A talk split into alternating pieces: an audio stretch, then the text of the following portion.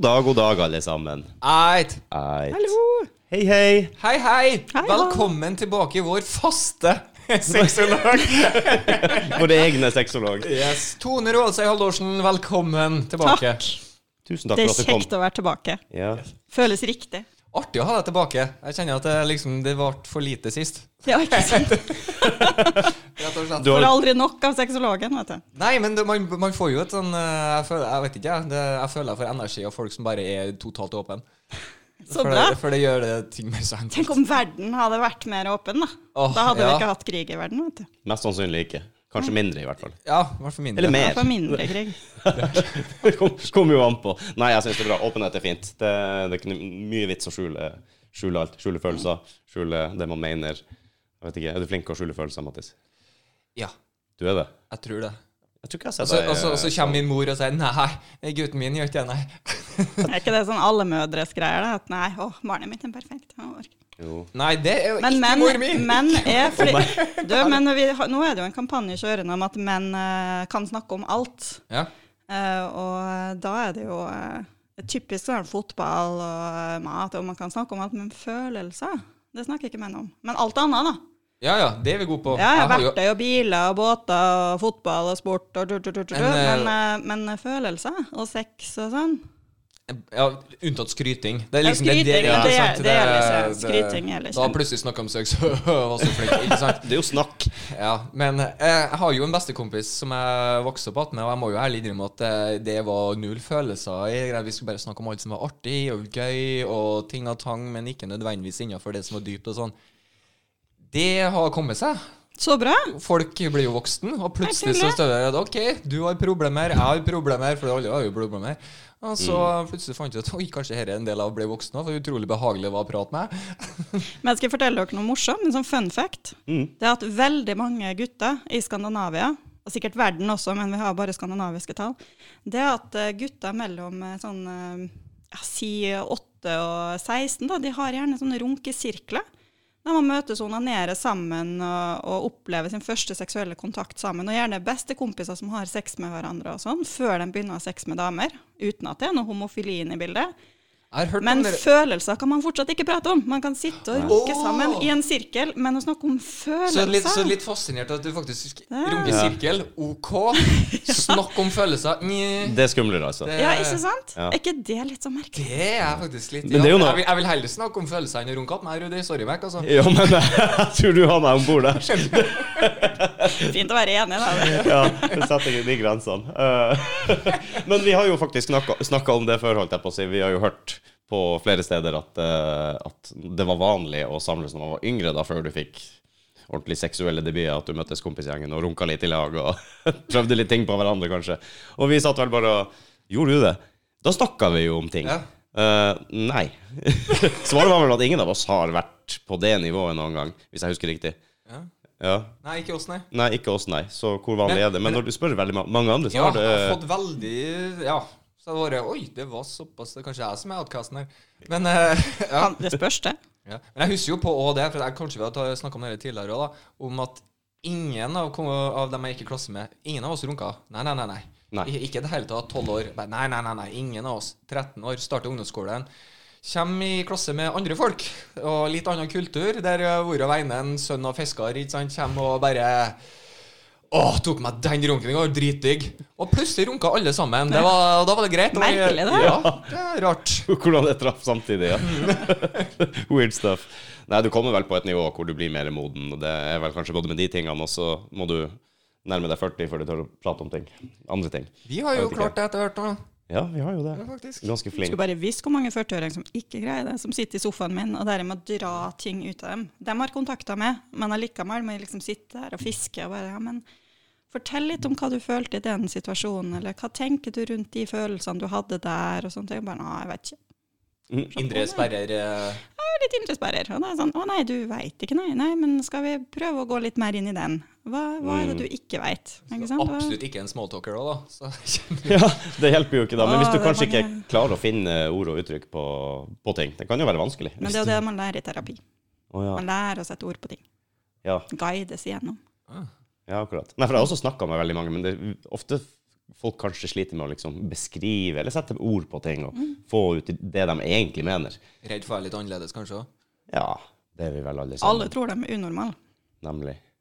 Kanskje de ikke aksepterer de her, her Jeg tror ikke sånne det. ting.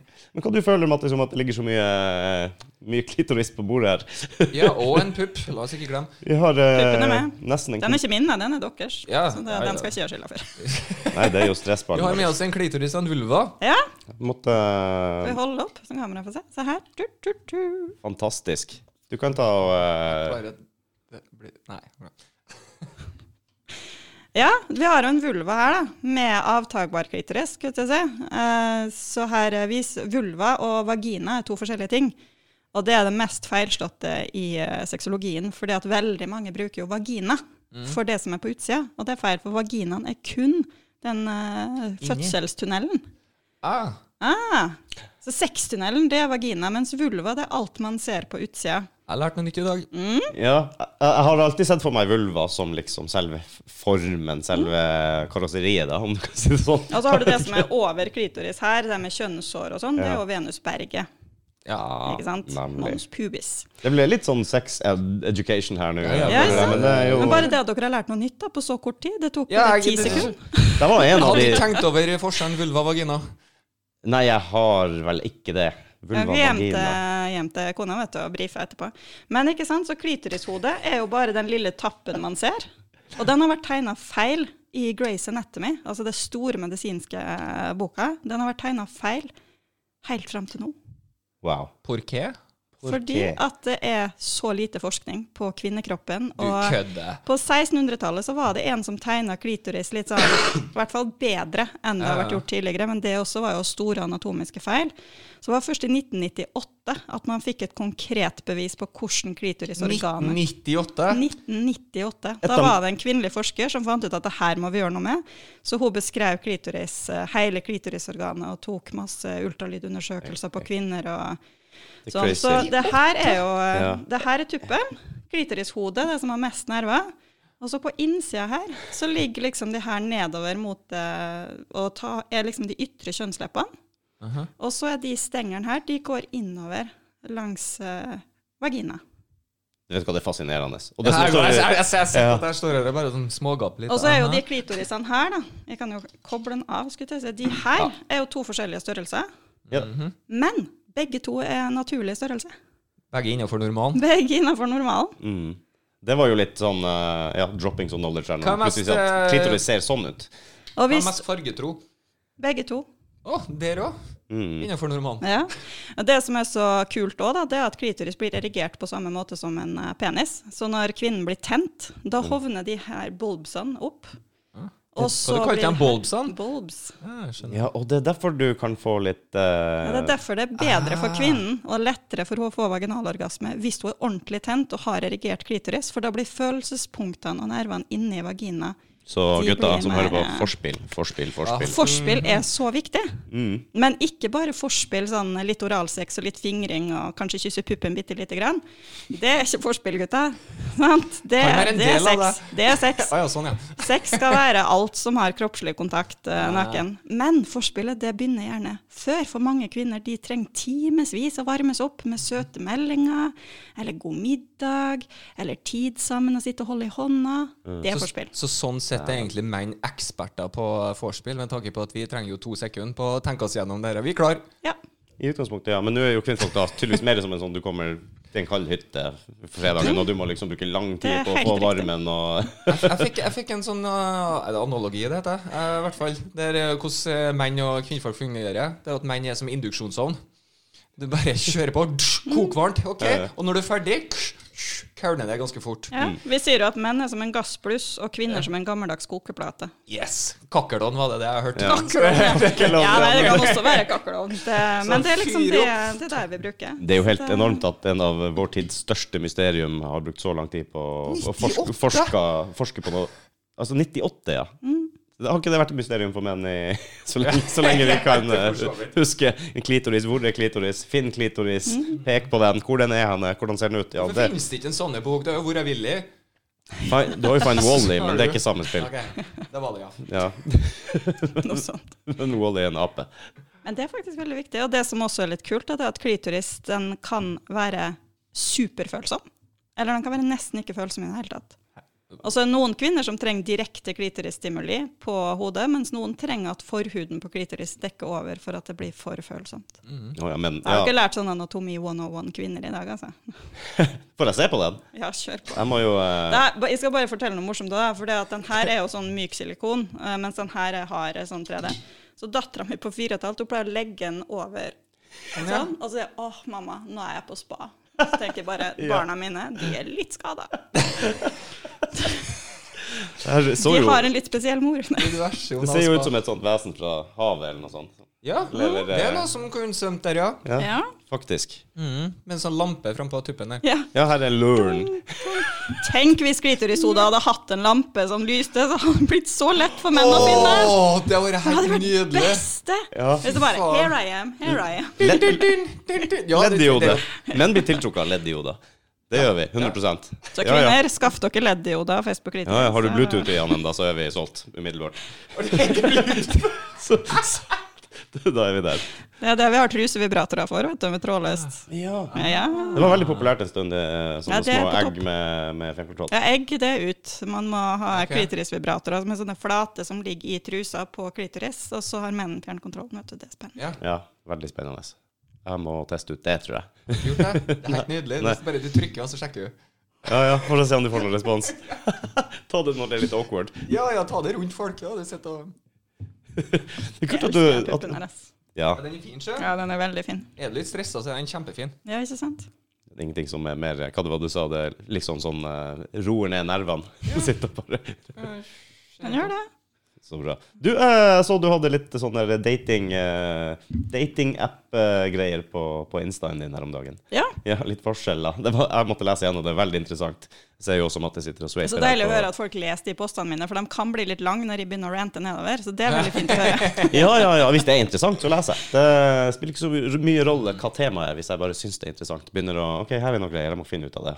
Ja. Se hva det er. Og du skrev jo veldig mye om hvordan, eh, ja, hvordan menn og kvinner reagerer på Tinder, på en måte. Eller på, på datingapper, er det vel. Generelt sett. Hvor, eh, Altså det som er biologien, si biologien, det. eh, biologien vår, den eh, følger jo ikke med evolusjon. Det tar jo veldig lang tid.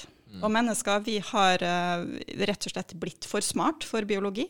Så både på forplantning og sånne ting med kunstig befruktning og medisiner som gjør at vi blir eldre enn vi noen gang har vært, ikke sant? og vi trener, vi har kosthold og alt det her. Men det driter biologien i.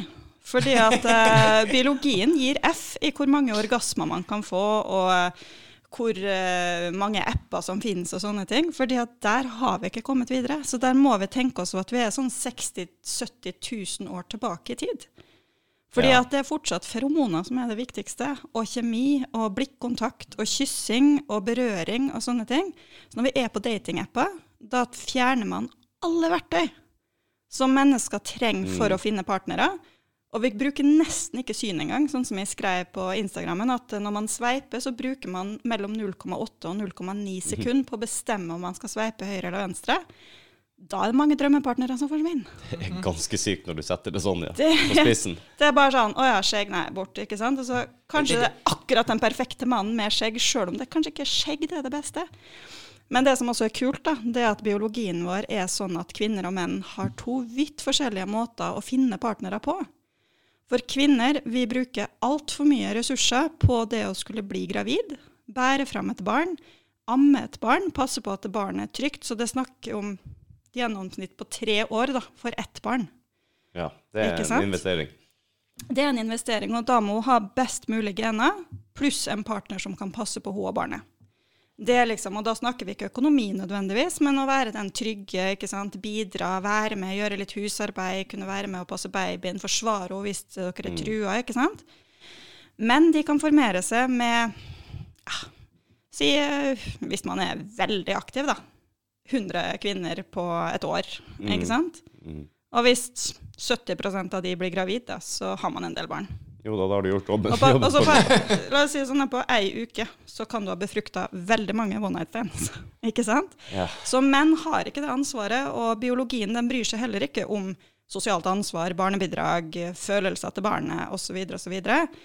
Så menns fordel det er å spre genene sine mest mulig. Mm. Mens kvinner må være veldig selektive. Så på en datingapp så er det mye større sjanse for at menn bare hopper videre til neste, fordi at de har så stort utvalg at hjernen blir helt fucka.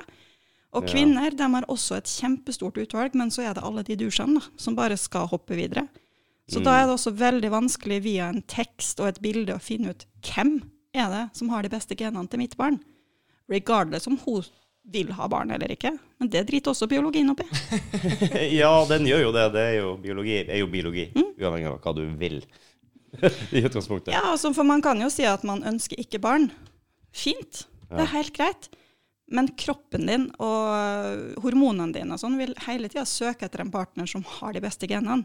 Just in case. Ah. Ja, Det er vel en grunn til at du syns at noen er attraktiv. Det er helt riktig. Og Det er også derfor at kvinner har det veldig mye vanskeligere enn menn. Fordi at menn er veldig mye mer visuelle. De ser gjerne etter kvinner med litt hofter, som kan bære fram barn. Ikke sant? Høyde og høye hæler er veldig viktig, for når man, kvinner bruker høye hæler, så tar de rumpa utover, og ryggen blir rakere, så puppene kommer mer fram. Som f.eks. sjimpanser bruker. De flasher med rumpa for, eksempel, for å vise at de er Jeg trodde du skulle fram til at de brukte høye hæler nå. Å, det hadde vært så kult! Jeg elsker sjimpanser med høye hæler. Men ikke sant, så kroppsholdninga viser at menn tenner på kvinner i høye hæler fordi at de er da i parriktig form. Med puppa ut, rumpa ut. De viser at nå er vi klar. Nemlig. Ikke sant? Ja, ja, ja. Og det er jo også derfor kvinner ofte får spørsmålet hva hadde du på det? Ikke sant, i rettssaker med voldtekt. Ja, Det, det er kjempeartig. Brukte du her, da? men, men, der er kvinner ofte på duft. Hvordan mannen dufter, og hvordan man utstråler trygghet og sikkerhet og seriøsitet. Og kvinner endrer duft i syklusen sin. Så når hun har eggløsen, så tenner hun på helt andre ting enn når hun ikke har eggløsning. Sier du det? Så de fleste kvinner som er utro, de er utro når de har eggløsning. Hæ? Hæ? Ja. Tenk all den informasjonen jeg sitter med. Sånn. Jeg tenkte meg ut i helga! Skal vi se på kalenderen? Det skal ikke du, nei. Jo, men det blir litt sånn. Altså, Hvis kvinnen har eggløsning, så kan det faktisk være lurt å gå ut sammen. Jeg har tenkt på det. Men det er bare det at det er så stor forskjell da i hva du tenner på, etter hvert som hva kroppen, hvilken status kroppen, kroppen er i. Ja, Menn har ikke de hormonsvingningene som kvinner har. Derfor så vil de heller ikke endre tenningsmønster og preferanser i løpet av en måned, på samme måte som kvinner. Kjenner jeg litt glad på en måte at jeg ikke er kvinnfolk noen gang. Mm. Du leste, si leste Altså endre tenningsmønster også om hun går på hormonprevensjon, og hvis hun ikke går på hormonprevensjon. Det er mange kvinner som møter partneren sin når hun går på p-piller, og når hun slutter på p-piller for at de skal prøve å få barn, så tenner hun ikke på partneren lenger. Jeg kjenner veldig mange som har snakka om det opp gjennom årene, med det med prevensjon og, eller p-piller. Uh, og annen type prevensjon også, for så vidt. Hvor, uh, hvor det endrer veldig mye. Jeg har jo, Min samboer brukte ikke når vi ble sammen, og så har hun brukt det i veldig mange år, og så har hun slutta, med det i senere tid. da. Rett og slett for å få kjenne litt på hvordan hormonene Og det, det er en stor forskjell. Veldig stor forskjell. Og jeg tror kanskje mange hadde hatt det bedre uten p-piller. Det er min mening. For jeg har sett det sjøl i effekt, at det kan hjelpe deg å komme bort fra det. Og jeg har venner som har sine respektive som også har prøvd det, og hatt det bedre etterpå. Så eh, vi får ta litt ansvar, vi mannfolk også, tror jeg. Og, eh, Ja, Så kan det jo komme en p-pille for menn etter hvert, da. Vi får håpe det. Ja, Men det eh, skal jeg fortelle dere hvorfor det ikke er en p-pille for menn på markedet? ja, gjerne. For den har bivirkninger. Ja, det er all, har ikke alt. har ikke dem Det meste Jo, jo, men Det spørs hva, tenker jeg. Nei, det var kvalme og litt sånn svimmelhet og sånne ting. eh, Så mildere symptomer enn p-piller for kvinner. Og mange færre bivirkninger enn p-piller for kvinner. Men det var bivirkninger som mennene reagerte på, og da ble den heller ikke gitt ut på markedet. Og man sier jo det i dag, at hadde pillen blitt uh, sånn som den er i dag, og hvis, vi hadde, hvis pillen hadde blitt introdusert på markedet i dag, så hadde den ikke blitt godkjent. Nei. Såpass, ja. Mm. Men vi tåler jo ikke mye, vi mannfolk heller. Nei, men for kvinnen, da. Altså Hvis kvinnelige p-pillene hadde blitt uh, lansert i dag, Ja, så hadde den ikke blitt uh, godkjent. Ja. Det Mens, eh, men jeg har ikke lyst til å være kvalm, da. Nei. Nei. jeg. Men jeg må innrømme det at så, så fort man sier p-pille for menn, så blir jeg umiddelbart mer skeptisk. Bare man sier er kondom til menn, så blir man mer skeptisk. Nei, men det er mer akseptert, tenker jeg. Du Det, skulle, åh, det, det er så mange som sitter der og så sitter, når de holder foredrag og sånn, og nevner kondom, så går det et sånn sus av misnøye gjennom mennene i salen. Hver gang. Så det er sånn Ja, det er, å, nå tar jeg opp den kondomen igjen, liksom. Altså. Kan vi ikke bare slippe? Ja, altså, det kommer jo an på hva målet er. Jeg vet ikke hvor lurt det er å slippe. Eh, Nei, anbefaler ikke det, altså. det er ikke bare graviditet man nødvendigvis Nei, nei, nei. eh. Det er helst sykdommene man bør unngå. Det. For kvinner kan gå på prevensjon så mye menn vil, uh, men uh, det er drit kjønnssykdommer på. Ja. Ja, nemlig. De smitter lell. Uff. Det var veldig kjekt med litt undervisning i dag, da. Ja, ikke sant? Nå ble det litt sånn seksualundervisning her. litt, litt Ja, litt av Mattis på. Vi har jo hatt Tinder-tema her i poden opptil flere ganger før òg. Så greit Ja. for deg å få vite litt hvordan kvinner tenker på Tinder, tenkte jeg. Ja, hvor er du i syklusen din? Ja. Ja, men det er litt det. Er det en god innledende? Jeg ble jo jeg ble intervjua i KK for ikke så lenge siden om akkurat det med dating. Hva man bør gjøre og ikke bør gjøre på første date. Ja, aha. Ja. ja. Man bør f.eks. ikke ta en kaffedate eller middag som første date. Man burde heller gjøre noe sammen med felles venner, eller gå en Ah, tur, eller gjøre noe sammen der. Eh, og så er det det man ikke skal snakke om, da. Og man trenger ikke å øse ut hele historien sin og preferanser og sånne ting på første date. Men man skal være veldig tydelig på hvilken mål har du med et forhold. Og hvilke verdier har du? Ønsker du barn, så bør du være veldig tydelig på det. Ønsker man et åpent eller et monogamt forhold, bør man være veldig tydelig på det. Er man veldig avhengig av BDSM, så bør man også være veldig tydelig på kan være greit å bare nevne. ja, bare sånn i det forbifarten. lille der, ikke sant? For det er så mange som er på data, og som matcher det. Og så etter fem år litt sånn delvis fornøyd i forholdet, så kommer det frem at den fetisjen som den ene har undertrykt i mange år, kan ikke undertrykkes lenger, og så kommer de til meg. Ja, det kan jeg tenke meg hvis du har gått veldig lang tid og du ikke har liksom sagt de, dine egentlige preferanser. Men uh, Og så må de jo sitte og prøve å kommunisere da, på hvordan de skal få integrert det i forholdet. Og så er det jo grenser på hvor altså, Man kan jo kanskje si sånne ting, men det kanskje sitter langt inne for folk på første date, i hvert fall. Si andre. Uh, Si andre. Ja, si andre, ja. Det er bare sånn. Da bør du Er du inne i, inn i håndjernet og sånt.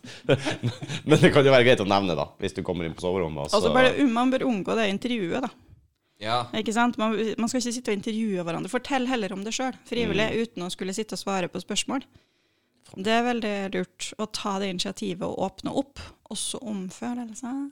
Ah. Ja, Mattis, hører du. Ut på date nå. Ja. Prat om følelsene dine. om min. Det, jeg syns det er litt snedig med Tinder. For er, er det sånn at folk som går veldig ofte tur i fjellet, er single?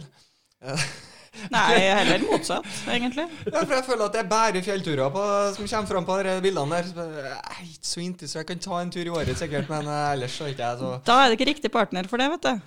Nei. Men det er sånn her nå der fordi at Men de bare- lyver jo, dem òg, da. Altså, for at Nei, jeg har jo snakka med flere som bare Ja, jeg ser du har valgt toppturer her. Ja, det, det. Jeg har vært på tre toppturer, og det var de bildene jeg la. Ikke sant? Så Ja. bare, OK, kanskje vi trives allikevel. Når jeg gir datingråd da, til Tinder-profiler og sånne ting, skriv det som er viktig for deg. Har du vært på tre toppturer og har skrytebilde av det, så er det ikke det du skal snakke om på Tinder. Nei.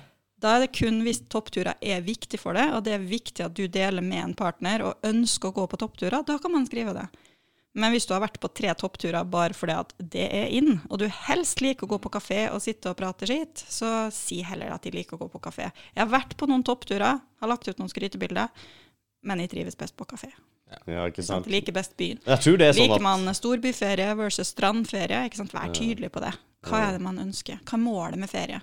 Jeg tror du prøver å få fram det, det beste i deg, liksom, at uh, du skal reklamere så godt du kan for deg sjøl. Du ser jo det med f.eks. vanlige Facebook-profilbilder. det er jo Hvor mange har ikke fra den laksen du dro på, på 10 kilo i 1998? Kan man si at man drar laksen på, på? Profilbilder, det veit jeg ikke. Jeg tror Facebook har Det var et pønn der som jeg, som jeg ikke oppdaga sjøl engang. Ja, det var bra. Men det, og Facebook har blitt enda strengere. Så dra laksen Facebook er ikke det samme som før, nei? Nei, nei, nei. det, Så dra laksen privat, tror jeg. det kan ja. OK. Det var ikke en oppfordring Ikke til på folk. profilbilder. Nei.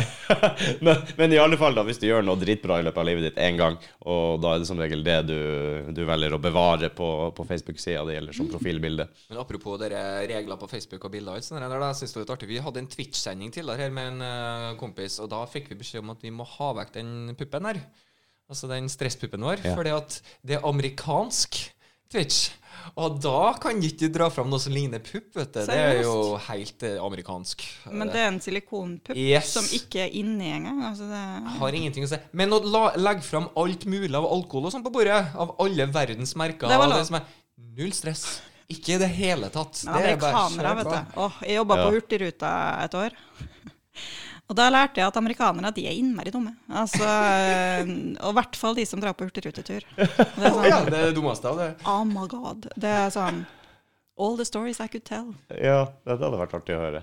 Det Amerikanerne kan skape gode historier. Jeg kan kan, ta, jeg kan ta den beste, da. Det var et par som eh, skulle anmelde Hurtigruta, saksøke Hurtigruta, fordi at eh, midnattssola var den samme sola de hadde hjemme i Texas. Ja, den har jeg hørt om, faktisk. Mm, Ja. den ja, det Og så fikk jeg et direkte spørsmål fra en eh, Jeg sto og snakka med kapteinen, og så kommer det en sånn amerikaner, da. Og så sier til kapteinen, som ikke har noe annet å gjøre, tydeligvis, da, enn å styre båten, eh, at eh, han skulle ned og sove. Så han eh, ville sette pris på hvis kapteinen kunne eh, få vekke han ti minutter før neste hval Kaptein? Ti Ja, ja. minutter før neste, neste, Neste hval kom eh, på overflata, og kapteinen bare Ja, ja, GPS-signal på alle hvalene i havet, så det går fint. det». Har full kontroll her. Og så bare kikker han på meg, og så rister han på hodet, og så bare Amerikanere, ass. Når kommer neste hval, sa du? Jeg har fått tid på å slå på nordlyset med bryter, og for at jeg må ja, Se- Før du skal se isbjørnene, vet du. Ja. ja, isbjørner har jeg fått masse spørsmål om, og pingviner, ikke minst. Pingviner? Ja.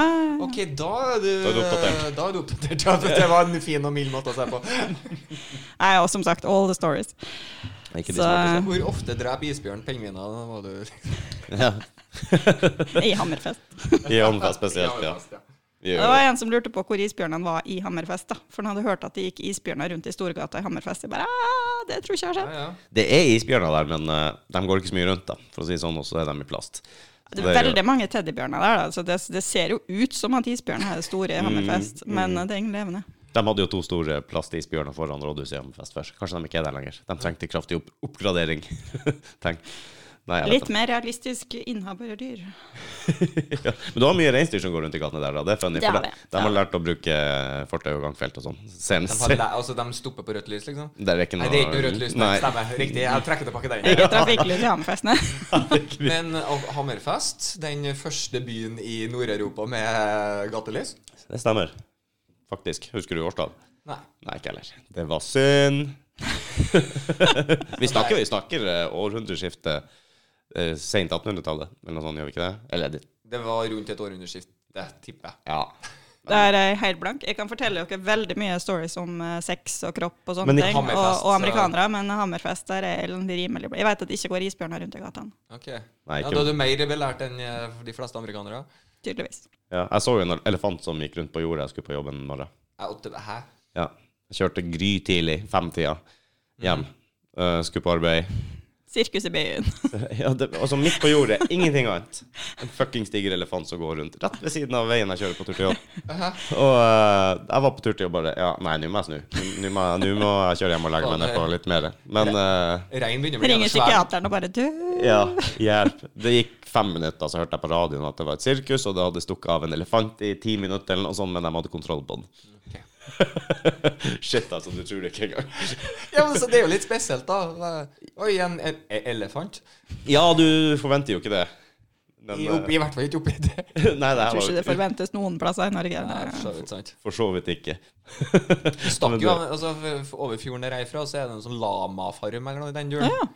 Og det er kult Ja, det er det på Sørum der jeg bor. ja. Det, Og der har du stokka av noen en gang, husker jeg på avisoppslag. Og så Ja. bare s- tenk deg det, du kjører langs veien, så plutselig eh, Du stopper for en lama eller to. Mm.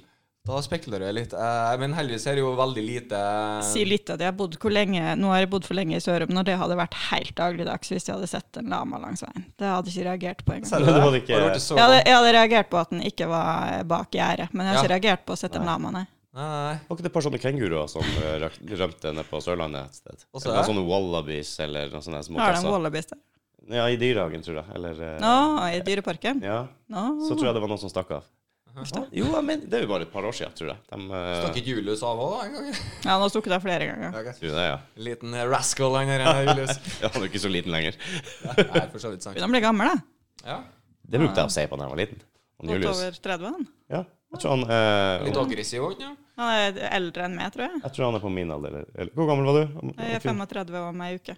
Ja, jeg tror Oh. Om, eh, ja, 13. OK, jeg er halv. 17. Ok. har, du, har du bursdag 17. november? Ja, På forhånd, gratulerer med dagen. takk. Mm. Styrer vi siden sist, da. Vært mye farting og Eh, Foredrag og Det har det, altså. Det har vært veldig mye farting og en del foredrag og veldig mange nye klienter. Så bra. Jeg har eh, tatt helt av, faktisk. Good for Så- business. Veldig good for business. Tydeligvis mange som eh, trenger hjelp etter korona. Oi, Er folk seksuelt frustrert nå, eller? Nei, ikke så nødvendigvis seksuelt frustrert, men um, mange par som kommer, og mange som skal ut på datingmarkedet igjen, og som er litt redd, rett og slett, for å være sosial igjen. Eh, Det har blitt litt for mye swiping og litt for lite sosial kontakt, Ja. så folk har glemt hvordan man eh, oppsøker hverandre ansikt til ansikt. Så folk er rett og slett redd for å møte hverandre. Ja. Er rusten. Ja. Strengt tatt. Vi hadde blitt så vant til å swipe på reels på Instagram og eh, sånn, Det, det er så sjukt. Jeg husker i starten en her, jeg, tidsfelle. jeg, jeg har jo Tinder, som Mye tid på det. Jeg, har, jeg, har, jeg husker at i starten var veldig sånn der Jeg er usikker, veit ikke, brukt mye tid. Ja, det har gått over. Nå har jeg blitt en av de knektene som bare «Ja, svutt, svutt, Det er astrologi Nei. Det, det er liksom det er sånne ting. Jo, men altså, det, man kommer inn i det, da. Så jeg har snakka med så mange som begynner med liksom Ja, vi skal finne noen, vi skal finne en match og alt sånt her, og så kommer man inn i det sveipekjøret. Og det er det som gjør at hjernen vår, den, den bare flytter på seg og sier at vet du hva, eh, nå er det swiping som gjelder. Men da forsvinner jo, som sagt, alle de verktøyene man bruker som biologien trenger for å finne drømmepartneren. Mm. Så det at vi har mistet den der nå, ansikt til ansikt, møtes på byen, møtes via venner osv., det, det ødelegger eh, mye, altså. Jeg ser den, altså, for det er mye Jeg er jo jeg liker å prate med folk og være so litt sosial, og den der, der, og en bit av min greie er egentlig at jeg prøver å sjarmere litt, og det er veldig vanskelig å sjarmere over bare enkeltbilde og tekst. Ja. Klarer jo delvis, men ikke på samme måte. Og så er det så mange som skal ha Snapchat, og så begynner de å sende dickpics. Ah, sånn, ja. Og da vet du, blir det dårlig stemning. Men det jeg anbefaler, da, det er at hvis man er usikker på å møte noen som de har snakka med på Tinder, så add hverandre på Clubhouse. Sånn at man i hvert fall får snakka sammen uten tekst. Der man kan få lov til å høre stemmen til hverandre. Clubhouse? Og Clubhouse, Det var nytt for meg. Jeg har hørt om det, men jeg vet ikke hva det er. Oi, Uh, har Gutta, hørt det altså- Clubhouse. give it to us. Ja. Clubhouse det er jo live podcasting, nesten. da. Uh, det, også, det, er ingen, det er kun profilbilde, som det er ikke bilde og video. Det er kun stemming. Stemming. Stemmer. Snakking. Det har akkurat vært valg. ikke sant? Og der kan man enten lage rom eh, der man snakker om diverse. Jeg har jo sekso sexologiprat, eller noe sånt. Sexologprat heter klubben jeg er. Og der lager vi noen rom der vi er sexologer som sitter og prater og sånn. Da kan enten publikum spørre om å få være med og dele sine tanker, eller at de bare kan sitte og lytte. Ah, Og det er jo fantastisk. Det er som å ha en podkast bare live, og som Ja. ingenting blir lagra. Det blir ikke tatt opp Men det er audio, liksom. Bare Det, audio. det er kun audio, at man sitter og prater live. Ja. da. Jeg har hørt noen podkaster som snakker om det, hvor det har vært kjente folk som, Mm. liksom, som starter sin clubhouse, og så er det da om å gjøre å få så mange, Da blir det en greie da, at det er om å gjøre å få så mange inn i sin, og så ser de hvor mange har du, og hvor mange har du. Og Ja, for det, hvis, hvis man bare greier å legge fra seg det er noe oppmerksomhetskjøret, Ja. da, og bare snakke om det man liker om. Ja. Men der også er et fantastisk datingarena. For du kan opprette private rom der man snakker én og én også. Ja. Eller to og to, eller tre og fire, og hele pakka. Ikke sant? Men hvis du da får møtt Tinder-daten din på Clubhouse og snakke sammen uten at man ser hverandre, så kan det være en inngangsportal til å få mer tillit og høre litt hva som blir sagt, da. hvilken toneleie man har, hva man sier som ikke kan stå på skrift, ikke sant? Og få de samtalene før man møtes, så blir ikke første date så innmari klein heller. Nei, Så så, det kan være et veldig godt tips. Ja, sånn fra Tinder til Clubhouse er jo mulig, og så real life, ikke sant. Så Mm. Du får en liten bekreftelse på at det går an å snakke med, med hverandre. det i går an å fall. snakke med Ja, så Man merker på kjemien om, om praten flyter lett eller ikke, Ja. ikke sant? Og det merker man ikke når man sitter og skriver meldinger til hverandre. Nei, ikke bestandig. Du, du, det kan være distrahert òg. Da blir den jo ikke ordentlig Ja, som du sier, du blir jo litt sånn rart Ja, Hvis du skriver med fire-fem andre i tillegg, da. og glemmer seg, altså. Ja, det. Oh, I have the stories now. Ja, det er vel et sånt fenomen som alltid har funnet sted, sånne klipp og lim-meldinger, og så bare sende det til så mange som mulig, og se om du får Jeg føler jo Tinder-mareritt og sånn på Ja, det Instagram. Det er fabulous. Altså, Det bare viser at jeg er dødsheldig som fant drømmemannen, drømmemannen live. Slapp i de der appene, for det Uff. Men det er jo ikke noe Men vi som er over 30, vi har jo faktisk brukt ungdommen vår til å date på ordentlig. Ja, det er jo det vi har. Så vi har skillset. Kanskje i hvert fall så har vi no noe av det intakt, Vi selv, hadde, vi selv etter covid. Ja, vi har Og Nettby. Ja, ja, var på Hva var det som var eh, før der igjen? Blink? Blink. Blink, ja, og så var det vel Mirk. Ja, Mirk og, og eh, alt det der. Det er jo en liten eh, skriftlig clubhouse. Men eh, skal dere, skal dere høre noe scary? Å, det har jo vært halloween, så Ja, ble, det her var verste halloween-historien eh, jeg kunne ha hørt, i hvert fall. Vi For jeg var på lunsj med en kompis i går. Eh, og han um, jobber jo radio, så han kan jo veldig mye om det her. Og da fikk jeg beskjed om det at Nettby, det er lagra i Riksarkivet. Hæ? Så det, som 30 år så blir det løslatt så folk får se, da. Ikke med navn og sånn, uh, apparently, da. Men, og da te- og så tydeligvis bare profiltekst, da. Og sånn, men jeg bare Det trenger ikke å skje. Altså, For jeg husker jo hvor utrolig kul jeg var på Ja. den tida, sant? Så det var jo Men du, det er Men ifølge han da, så er det Blink sin skyld eh, at, eh, at det ble lagra. Fordi at hvis man skal se på det, og det her er hans ord, altså, så eh, jeg skal ikke navngi det, men du vet hvem du er. Eh, så nå bruker han som kilde her. Jeg vet hvor jævlig det er å se en Facebook-status fra 2009. Du vet Ja, det, også det er verre å tenke på Nettby, for å si det sånn. Ja. Men det som skjedde med Blink, da, det var at når Blink ble sletta, så ble alt sletta over natta. Det var ingenting som ble lagra. Eh, så det var derfor at Nettby ble krevd at, det skulle, at alt skulle lagres. da. Fordi at om 100 år da, så skal man se på hvordan man data og kommuniserte og sånn Ah. da. Ikke sant? Hvor. Og det, med, med Blink da, så forsvant jo fem år med kommunikasjon med folk, og hvordan Ja. man fungerte sammen på nett og sånn. Og det var jo en av de ordentlig store um, datingsidene, eller kommunikasjonssidene, Facebook. tilhørte jo Dagbladet, mens Nettby var jo VG. Ja. Og det er jo det han som starta Nettby, er jo han som starta Blink. Han slutta i Dagbladet, gikk over til VG. Så det var jo en sak der òg, når de skulle begynne å saksøke hverandre.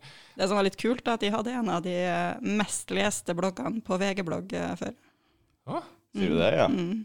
Under synonym, eller hva det kalles, pseudonym. Pseudonym. Pseudonym. Ja. Ja. Å, så kult, da. Der skrev jeg om singellivet mitt. Oi! Hva var pseud- kan du si hva Som pseudonym er? er, det, er det hemmelig? Nei da. Uh, men uh, hvis eh, det er noen som kjenner meg igjen, så mister jeg sikkert noen klienter. Men Ja, nei, jeg, skrev, jeg, si. jeg skrev The Tiger Cave som Tiger Woman. Ok. Og da skrev vi om alle lekekamerater og fuckbuddies og one night stand og singellivet generelt, da, med alt det crazy jeg opplevde der, og det var jo ganske mye.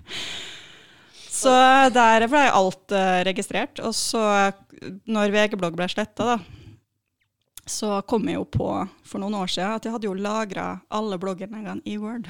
Så jeg har alle blogginnleggene. Oh. Og så har jeg begynt å lese litt hjemme, og så tenker jeg bare Jesus. Ja, det, det er verre enn en sånn her ungdomsdager på Oktufinn. Sier du det? Vi hadde jo en sånn kunstner innom, eh, Eplemost, som eh, bruker eh, journalene og tekstene og dagbøkene sine fra, Ja. eh, fra noen år siden til å implementere det i kunsten sin. Så kanskje det er noe for deg å bruke de Implementere Kanskje ikke helt på sin plass. Sosialt eksperiment. Ja. Single womens uh, eventyr. Jeg har faktisk vurdert å gi den ut i bokform etter hvert, bare for å Det var jo jævla Hvorfor populært. ikke? for, Den var veldig populært, eh, fordi det var jo før alle rosabloggerne kom. Ah. Ikke sant? Så da var det jo Sex solgte veldig bra, så vi var jo veldig ofte på forsida på VG på nett og alt sånt. der, Sex selger dem, bra eh, uansett, det tror jeg. Det gjør det, men da så var det ikke noe konkurranse med mote og sminke Nei. og sånn, så vi som ikke skrev om det, vi fikk veldig stor plass.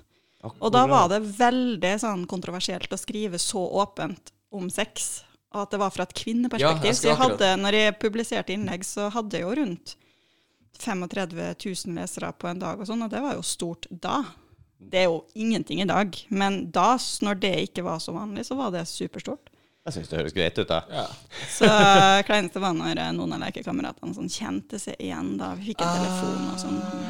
sånn Ja, det er jo alltid risken, men verden er jo stor, så eh, Eller det er jo egentlig ikke det. Det viser seg gang på gang at verden er Trondheim er i hvert fall ikke så stor. Nei. Trondheim er ikke så det stor. er true. Ja, men det er jo lettere å, å selvfølgelig Eller du kan vel ikke skrive Men der sånn viser jo bare hvor liten det faktisk er. da, For at han ene lekekameraten han uh, hadde fått beskjed fra en dørvakt på et utested at 'Å, den bloggen her, den må du lese, for den er så kul og greier'. Og så han leser og sånn. Kjent igjen seg sjøl. og så fikk jeg en telefon, jeg bare Shit. Den telefonen, var den av bare av småsur art, eller var den av eh, type Bare driver du Nei, det, det begynte med en SMS der han For jeg hadde kallenavn på alle lekekameratene. Ja, ja. Og, sånn, og da, fikk, da skrev han kallenavnet sitt, altså spørsmålstegn. Det er litt Og, det var, og, og da skjønte jo jeg at han hadde lest eh, bloggen og kjent seg igjen. Og Mm. så skrev jeg bare tilbake 'Skjønner ikke hva du snakker om'. Og du prøvde? Jeg prøvde, jeg, Altså, hvem hadde ikke gjort det? Jeg vet jo hva jeg har skrevet. Ja. Uh, så, men så, så skrev han bare 'no bullshit', og jeg bare ah. Jeg bare Ja, men jeg kunne skrevet noe verre. Det er bra. Visste han ikke at du hadde blogg heller? Nei, men det var ingen som visste det. For, Nei. Ok, ikke de nærmeste engang? Ja, de nærmeste visste det. Ja. Hovedlekekameratene visste det. Oh, ja, For de hadde også blogg, og det var dem som inspirerte meg, så de måtte liksom vite. Ja. Og de skrev, de skrev om singellivet som gutter, da. Så vi var liksom på hver vår kant. Uh. Utrolig kul tid, da, det skal sies. Ja, ja, ja. Det må jo være det. Som du Det er litt litt digg å leve uten konsekvenstenking òg. Og under Ja. Eller, mindre konsekvenstenking. Jeg kan, jeg kan godt si ingen konsekvenstenking Ja, ja, ja. eh, på singellivet mitt. Altså, det, jeg må si det. Men så fint at jeg ble sexolog, for da kan jeg se på det tilbake i tid og tenke at jeg lærte ganske mye. Ja, det er jo alltid noe Har positivt med som kommer mye ut av det. kunnskap inn i sexologfaget. What, what doesn't kill you, det det? Det jo eh, Det blir jo litt det der. Så, men når folk sitter og snakker, da, så er det sånn Ja, det høres kjent ut, det. Det høres kjent ut, ja. Du kan relatere til mye. Er det noe som sjokkerer deg, da? Aldri. Nei, det er ikke det. Nei, nei, nei. Du har ikke blitt Du har fått liksom gått hele runden. nei, men jeg, altså, jeg har aldri vært i stand til å bli sjokkert. Altså, på tiårsdagen min så fikk jeg Anne Holt 'Salig er de som tørster' bok i gave fra min bestemor. Og da var, det var mitt første møte med lesbesex og voldtekt og alt mulig rart. Ja. Og det syns jeg var veldig spennende, så den leste jeg mange ganger. Så jeg er ikke i stand til å bli sjokkert når det kommer til sex. Jeg er sjokkert hvor vanskelig det er å dømme voldtektsmenn, og hvor utrolig kjipe menn er på sosiale medier, og hvor utrolig overfladiske kvinner kan være. Det er sånne ting som overrasker meg bitte lite grann, men sånn sexfetisjer og sexstillinger og ting man snakker om? Nei, ingenting. Altså, det var en klient som kom til meg og satte seg i sofaen og sa bare Jeg liker å bli bæsja på under sex. Hvor kan jeg finne en partner som eh, kan hjelpe meg med det? Jeg bare Tinder. Tinder, ja! Ja. Nei, altså, jeg guider han jo litt sånn gjennom å prøve å foreslå noen nettsider eller noen treffsider med Ja. likesinnede, ikke sant. Men som, da har han en veldig sånn snever fetisj, så da er det jo viktig å prøve å finne ut hvor er det faktisk mulighet til å treffe. Jeg blir ikke sjokkert av det heller, jeg. Det er helt Nei, greit. Så, altså, man kommer jo til sexolog for å kunne prate om alt. Og da er det jo min jobb å ikke reagere med Ja, for, for, for, for du vil jo ikke ha når du forteller noen at de bare Hæ, kødder du? Nei. Det. Nei, men det, det kan jo ikke, ikke sant? Altså, det, altså, man kan ikke reagere, da. Det lærer man jo på uh, under utdannelsen, hvordan man ikke skal vise sjokk eller overraskelse eller sånne ting. Ja. Da er det jo greit å ha vært igjennom en del og tatt med seg mye erfaring, og som du Ja. sier, at du er litt tykkuda. Så du Altså, hvis, det kan, hvis det er noe jeg blir sjokkert av, så er det hvor mange ungdommer som skriver til meg på Snapchat som blir seksuelt misbrukt. De tallene der de er så stygge at det overrasker meg. Og jeg har vært i kontakt med politiet og, og Kripos og hele pakka, og som de sier, det er sånn det er. Fy faen, det følger ikke bare med liksom å hjelpe seksuelt frustrerte voksne mennesker, nei. Det er Nei, på Snapchat der hjelper jeg veldig mange misbrukte ungdommer der misbruket foregår fortsatt, men ingen, de vil ikke si hvem de er. De vil ikke si hvor de hører til.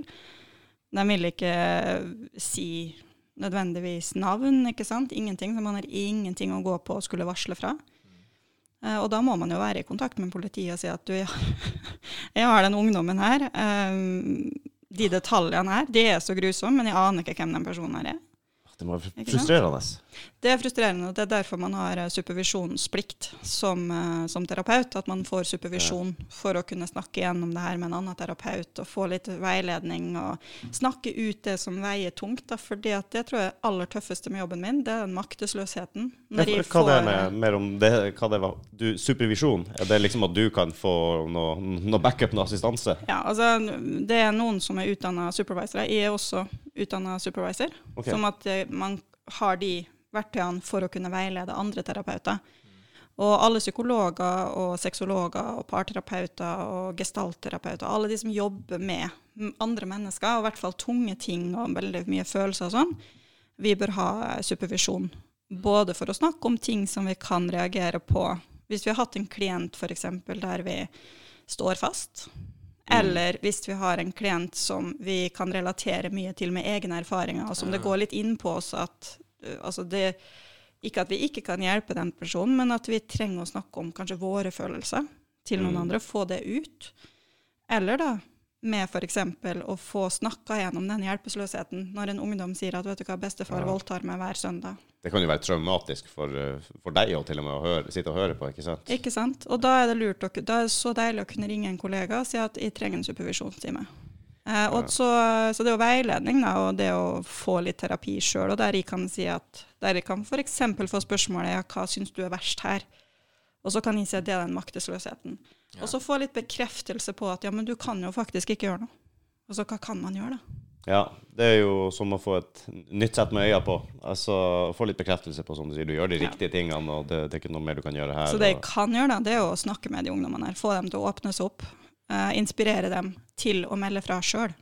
ja. Så jeg har fått flere til å gå til politiet på egen hånd, eller melde fra til en annen omsorgsperson. Si fra på skolen. Ikke sant? Man snakker dem gjennom at de har en trygg plass å åpne opp. Mm. Men som jeg også sier til de nyutdanna sexologene, da, og de underviser på sexologiskolen, det er at vær veldig bevisst på hvor man åpner konto som sexolog. Fordi at på særlig Snapchat, der det er mange ungdommer, og der det er anonymt, Mm. der kommer det så mye stygt. Mm. Åh, det er de historiene der, de, ja. de kan man få mareritt av. Fra, som ungdommer sender til, Mm. til sexologer og OK. Ja, at de Vanligvis så starter de med ganske uskyldige spørsmål, Ja. og så kommer hele historien. My God. Det Så starter det- med, så det er en sånn gøy eh, greie, da, at du bare svarer på enkle spørsmål. Da. Artig at jeg lærer bort litt, og så plutselig au. Det, det blir litt det, men så samtidig da, så er jeg veldig glad for at de da åpner opp til noen. Ja. Fordi at det første steget er å tørre å sette ord på det. De fleste av dem har aldri sagt det til noen før. Så det at de kan være anonyme, gjør det trygt for dem, og da kan jeg være den trygge personen som de kan skrive til, og som jeg kan veilede dem gjennom for å fortelle mer. Og så begynne å snakke om regler, lover, hvem de kan stole på, prøve å få en oversikt over situasjonen, og så hjelpe dem til å si at vet du hva, det her må meldes fra om. Ja, det kan jo være et sånt første skritt, Mm. ikke sant? Og Du er 100% anonym, du kjenner ikke vedkommende. Du vet at det er en trygg, eh, et trygt forum, da. Sånn sett. Og da kan du liksom få, få begynt å li, lire ut av det. Kanskje sette ord på ting også, som du sier. Da, kanskje det er nok til å aktivere til å ta kontakt med en tillitsperson hjemme, en lærer eller en sykepleier. eller... Altså, de fleste er jo redd for at de skal få beskjed om at du er skyldig i det her sjøl, for det er jo det overgrepspersonene sier. Ikke sant? Du kan for det sjøl her, du vil det her sjøl, så det er jo den responsen de er vant til å få. Så det at noen da sier at vet du hva, det her er ikke greit, det her er ikke din skyld, det her er vi nødt til å gjøre noe med, da får mange en sånn oi, Ja. men det er ikke så alvorlig. Eh, it is. Uff, ja, men også tenker man liksom at det er naturlig at Eller man skal automatisk skjønne at selvfølgelig er det ikke min skyld.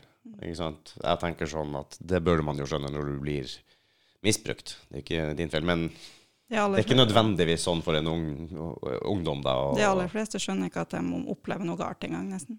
Nei. De har en dårlig følelse, men de skjønner ikke egentlig at det er straffbart, f.eks. Så det er mange som flirer av jobben min liksom Ja, jeg gjør en sexolog. Og sånn, ja. Og det er sånn, ja. Eh, jeg får spørsmål ja, du snakker masse om sexleketøy og uh, sexstillinger, og det må jo Ja. være kjempegøy å leve av. Det er bare sånn, du skal bare vite at det er en Det er en bitte liten prosent. Noen dårlige dager, eller det er noe Du må jobbe litt, for å si det sånn, da. Både ja, oppi der. Uff. Ja, så er mye gratisarbeid. Alt på Snapchat er jo gratisarbeid. Ja. Ikke sant? Så hvis man har hatt en lang dag da, med masse klienter og foredrag og sitter og endelig lander i sofaen, og så popper det inn en melding fra en ungdom på Snapchat. ja, Går det noen timer der òg, altså? Jeg satt og tenkte på det akkurat. Det, sånne ting tar jo mye tid i utgangspunktet. Og så er det jo Man føler jo kanskje også at man hjelper til når du er der da, og gjør det du gjør, og, og det motiverer sikkert ekstra, men det er jo krevende. Både ressursmessig, tidmessig og ikke minst mentalt, tenker jeg. Jeg var ikke klar over valg. Mm? Det er jo et valg. Ja, selvfølgelig. Det er det jo. Man kan jo legge vekk den telefonen hvis man vil. Det kan man. Så. Men jeg var ikke klar over det, at dere hadde litt supervision, litt hjelp, litt sånn. Nei, det var ikke jeg heller klar over, men det er jo en veldig fornuftig greie, da. Ja, jeg tenker på det. Jeg har, eh, jeg har mer rutinerte eldre kollegaer man kan spørre om faglige spørsmål. ikke sant? Det er jo, Mm. Jeg har lurt- jeg har lurt på når du ser de her psykologseriene og på film og TV, og sånn, hvem går, jeg tenker på, hvem går de her psykologene til? Og, De går til supervisere.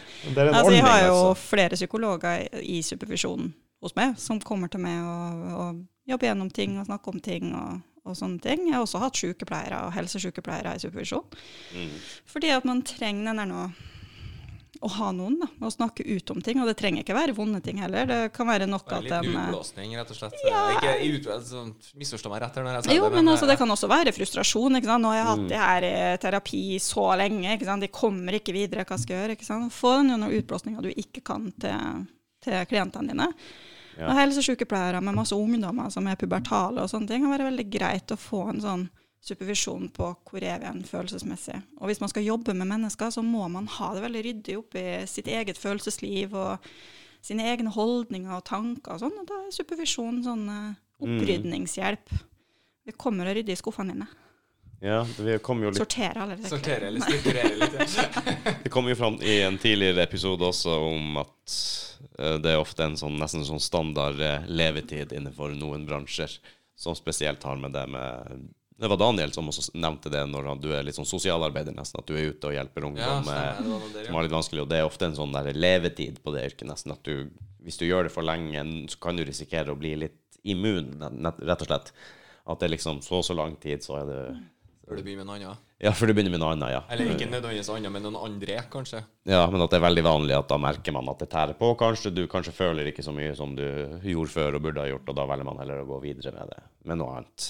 Så det kan jo være veldig belastende. Men det er ikke sikkert de kanskje har nødvendigvis samme type støtteapparat og Og så Det kommer jo veldig an på, ikke sant. Og så kommer det veldig an på om man jobber privat og jobber for seg sjøl, ikke sant. Eller om eh, Er det en date på gang eh, nå? Nei, nei, nei. Det var Tinder-varselet ditt. nei det er ikke noen som ringer meg. Jeg tenker, og jeg var urutinert på dette slaglyden. Uff a meg. Det var første. Det tror ikke jeg hadde før. Nei, det har du ikke. Jeg vil bare presisere det, så at det her ikke Mm, sliter med det. Ja, ja, ja. Ja, men de som, de som får supervisjon regelmessig, de har en lengre levetid i de yrkene her enn de som eh, ikke har det. Ja, kan jeg tenke meg. Det vil jeg tro. Men er det det du beskriver med sånne meldinger du får på Snapchat og sånn, er det noe som er liksom overall? Om du snakker med andre sexologer og psykologer og sånne ting, er det veldig vanlig at liksom det er det antallet? Ja, altså det er jo Det kommer an på hvor trygg ungdommene føler på å ta kontakt, for det er jo ikke alle som er på Snapchat, ikke sant? Så det kommer an på hvilken plattform man velger å være på. Det er derfor Ja. jeg sier til alle sexologene i utdannet at jeg sier det at vær bevisst. Hvis du ikke takler å få sånne henvendelser, så skal du ikke være på Snapchat. Nei, selvfølgelig. For Snapchat er litt mer for, bygd for eh, det, anonymiteten og Yes. Og så forsvinner jo meldingene, vet du. Ja. Etter et uh, visst antall timer, ikke sant. Og så hvis du tar screenshot av chatten, så ser de det, og da forsvinner de. Sånn at det, de er veldig trygge på at du kan ikke gjøre noe de ikke ser. Og da vet du, strømmer det ut. Men uh, Instagram, der er det ikke så mye. Der er det bare noen få henvendelser, sånne type henvendelser jeg har fått. Mm. Ja. Eh, og der er det også litt mer gjennomsiktig, fordi at du kan ta screenshot uten at man uh, vet det. Og man kan, ja, selvfølgelig. Jeg er egentlig helt blank på, på Tinder og Snapchat. De tingene vi har snakka om. Det, Er, det, Tinder det, det er min greie. Også din greie er Instagram, for det er ikke min greie. Da blir jeg boomer med en gang. Men uh, ja, faktisk. ja. Ja, det er det.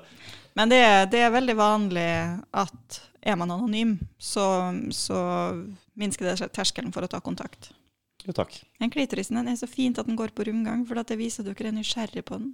Ja, ja Og da blir du så glad i hjertet mitt. Nei, jeg, jeg tenkte, nei, Du holdt jo på med puppen, så tenkte jeg det må han ha holdt på med òg. Uh, nysgjerrig. For er innmari god å glemme på. Altså. jeg, må, jeg må se på den her, òg.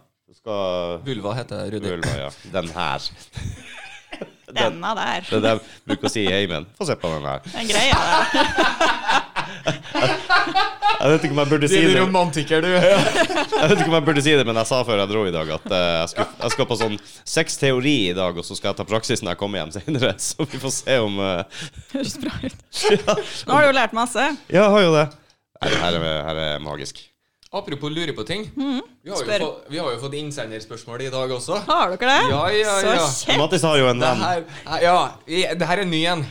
Ny venn. Ja, ja, han er det, Begynner å få ganske stor vennegjeng nå, føler jeg. Yes, han her heter Idur Rumseth, 82. Og han lurer på Nå er jeg spent. Nei, jeg lurer rett og slett Fins det noen bieffekter med analsex? Ja, det gjør jo det. Som hva?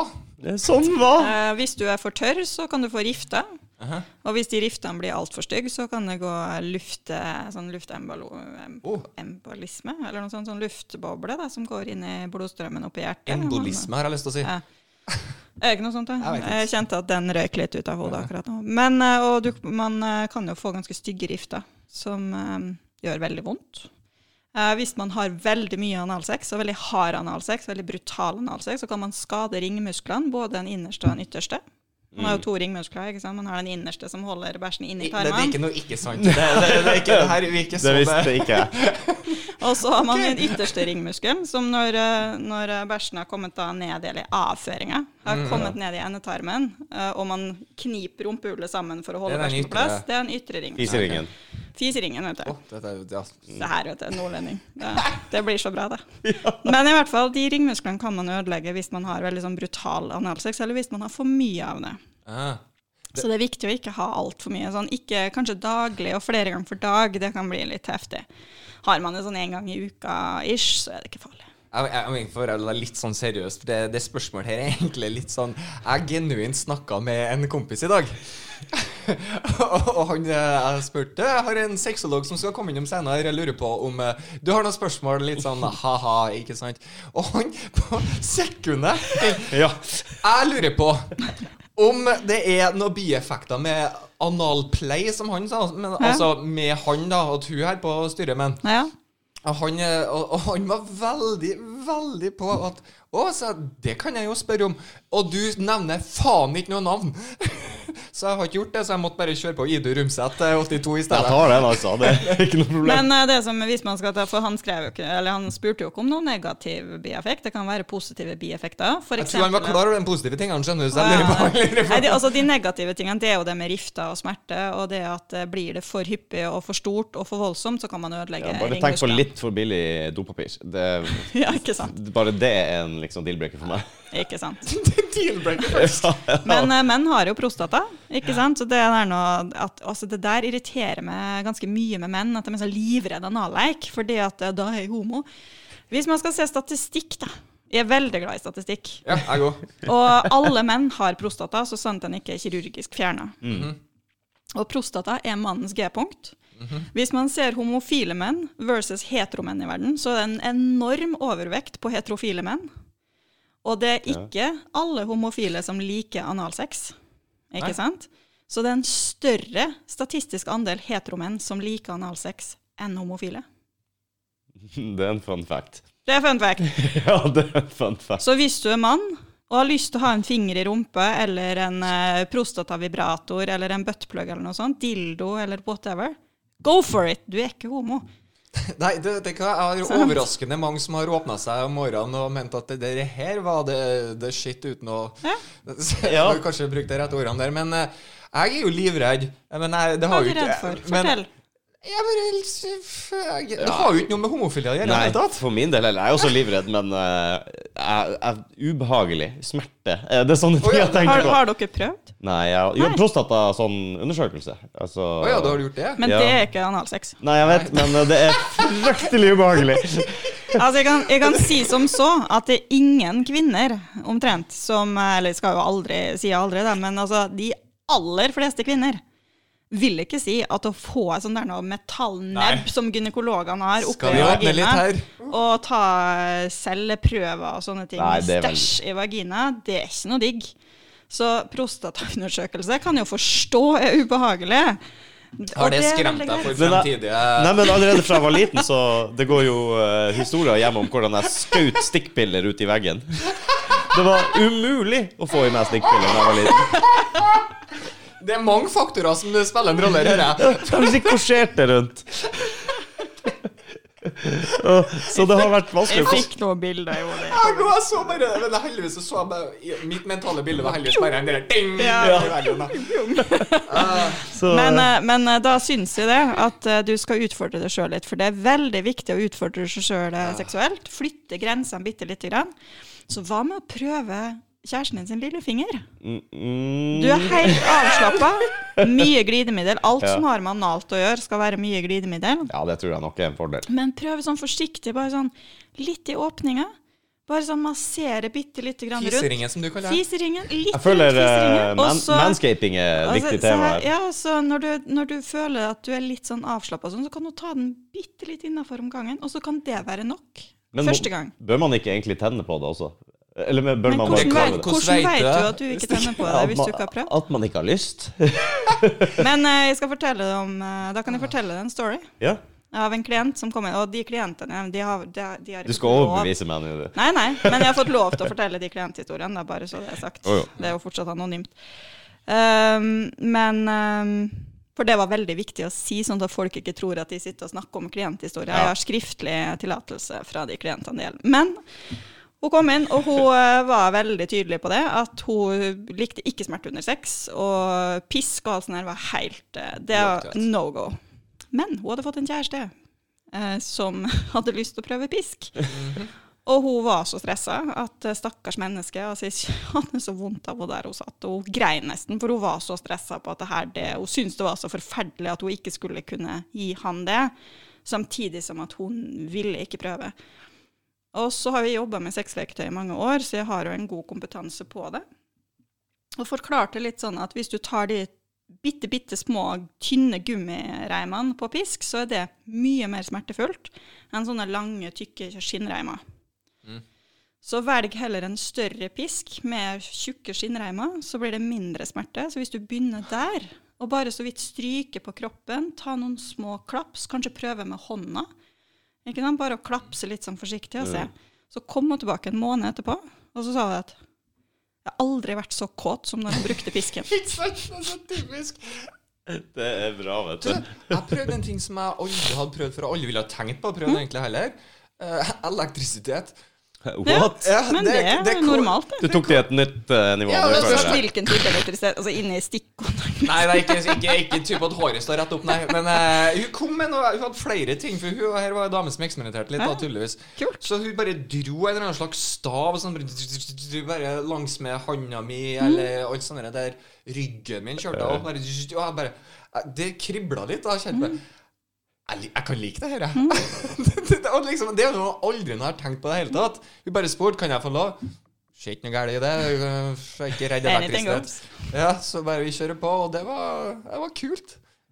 Ja, det er litt skeptisk sånn i starten, men jeg regner ikke med det var to sånne der sånn. Nei, men det eh, Startkabler til og så var, og, og så var det jo justerbart. Altså. Så hun spurte faktisk kan jeg sette opp litt.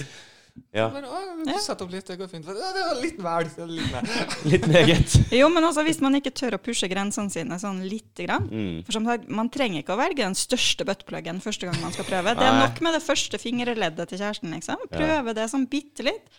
Litt og litt. Kanskje neste gang så du, tør du å prøve andre fingerledd. Mm. Kanskje hele lillefingeren tredje gangen. ikke sant? Plutselig er pekefingeren eh, bra nok. Og plutselig så er vi på analkula. ikke Der sant? er vi full, hele remsa.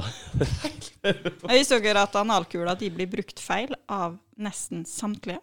Mm. Eh, nei, det visste jeg ikke, men jeg er ikke en ekspert på analkuler. Der, For det er veldig mange som tror at nytelsen er når man putter dem inn. Nei, det er noe ut, ikke sant? Ja, det er akkurat Ja. det, men det er så mange som ikke vet. Ah. Men når man nærmer seg orgasme, da skal man dra dem ut. For Ah. da øker det intensiteten i orgasmen. Ah. Skal man eksperimentere med hvilket tempo man skal dra det ut. Ja. jeg var veldig lite kjent med analkuller og kjente Faen, vi jeg er litt lite bereist i den sexleketøyverdenen. Du skal pushe deg sjøl litt Ja, så- grann på det- anallek. Det, det er jo greit vet du, hvis du først har prøvd noe og ikke syns det var noe særlig, så har du faktisk begynt Ja, vet hva, jeg prøvde. det. Det var ikke noe for meg. Fair enough. Eh, Ja ja, selvfølgelig. Skal du kanskje prøve noe annet nytt hvis du har lyst til å expand your world. Ja, Det er akkurat det. Og hvis man da ender opp med å- Og så bør man prøve ting flere ganger. For at første gang er som regel ikke det beste. Mm. Så man bør prøve det flere ganger med en partner man er trygg med. Tørre å slippe seg sjøl løs. Tørre å slappe litt mer av for hver gang.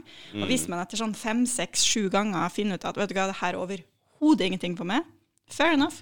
Du har gitt en sjanse. Det er litt samme som med barn. Når de skal smake nye ting, så må de smake rundt sånn ti ganger før de eh, liker det, ikke sant? Ja ja. Og så endrer smaksøkene seg litt. Enten så liker de det etter ti ganger, eller så liker de det ikke. Og så plutselig så liker man det ikke dagen etter, og så liker man det uka etter igjen. Så Ja. ting kan endre seg. Det er vel kanskje Jeg husker jeg elska rømme da jeg var liten. Mm. Og så plutselig så var det en tiårsperiode. Rømme var Jeg har ikke avsmak på hele greia. Elsker rømme igjen nå. Jeg føler fortsatt at analkuller er et helt annet nivå enn rømme. Hæ? Det Nei, altså, nei, nei, nei, Smak og behag. Altså, jeg hata mais hele barndommen, eh, men nå elsker mais. Sier du ma... Ja. Mm. Hva, hva skal man si? Sier du mais? Mais? Ja, jeg gjør det. Det er så nydelig å høre. Hva man skal De si? sier mais nedi der. Nei, det er jo tull. Jeg sier jo mais. Ja, Mais.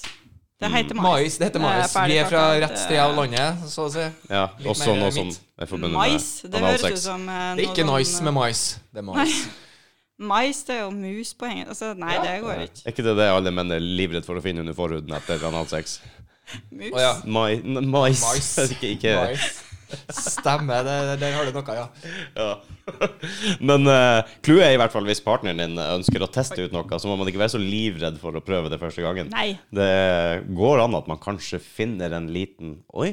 Ja, og så snakk om det på forhånd hvis man er Ja. redd analsex, f.eks. Mm. Så si hva du er fri redd for. Si at du er redd for at det gjør vondt, si at du er redd for at du skal bli for brå, at det skal eh, Mm. altså si, Fortell hva du er redd for, sånn at partner vet ok, hva er det jeg ikke skal gjøre. Mm. Ikke sant? Og hvis man da sier at 'jeg trenger at du snakker med meg', ikke sant? og man spør 'er det her greit', 'er det her greit', 'er det her greit', ikke sant? så man hele tida kan bekrefte at 'ja, det går fortsatt bra'. Eller mm, 'vent litt'. Ikke Safe, sant? safe word. Safe word. Det er kanskje Og plutselig går du fra å greie én lillefinger til å greie alle fem fingrene. Der har du et mål, Rudi. Ja, nå er det nyttårsforsett. Ha nyttårssettet med den lillefingeren først. Det var lurt. Ja, vi kan ikke Vi starter med lillefingeren. Jeg har en tendens til å gå all in når jeg prøver noe nytt. Så bokstavelig talt. Bare vær forsiktig med den indre ringmuskelen hvis du går. Ja. Jeg er bekymra for fiseringen. Det er bieffekter her, altså. Det har vi Fiseringen er trygg. Så lenge man bruker glidemiddel og bruker god tid, så er fiseringen trygg. Men å finne bra glidemiddel er ikke så lett som man skulle tro. Det er overraskende lett. Vannbasert. Vannbasert, det er det tryggeste. Jeg har sagt det. Hvorfor, Hvor, hvor, hvor det hvor har du lett etter glidemiddel? Eh. De har eh, på butikken den som eh, de her kondomleverandørene produserer sjøl, tror jeg. Ja. Ikke noe sånn veldig bra. Uh, prøvde masse forskjellig på kondomeriet, men jeg tror kanskje du bare må være litt Sikker på at det ikke er Eh, Kan? Nei, altså Hvilken type har du prøvd? da? Åh, det vet jeg ikke. Jeg husker ikke. Det er som regel ikke jeg som kjøper dem. Men Altså det, det de fleste liker best, da, det er glidekrem. Fordi at, eh, Og særlig de som er vannbasert. Fordi at eh, glidekrem det har den der nok mjuke kremkonsistensen, så det klisser ikke og flyter ikke overalt og dritt. Så glide, og vannbasert glidekrem. Ja, For glidekrem, vannbasert glidekrem den er veldig sånn tjukk konsistens, men den smelter litt når den kommer bort til temperatur, da, så den blir jo flytende, men ikke den der noe vannbaserte som renner overalt og kliss og Bleh. Det var i hvert fall vi som hater gris på fingrene. Ja, ja, ja. Så, så eh, vannbasert grideklem, den fra RFSU, eller hva den heter, den er, RFSU? Ja, den er RFSU, veldig ja. bra. Den kjøpes både på apoteket, og den kan fås med aloe vera og alt mulig rart. Jeg blir ikke sponsa av dem, altså, men jeg bare Skal bli smooth her. Eh, og man har, og den kan brukes både til analsex og til vaginalsex, helt trygt.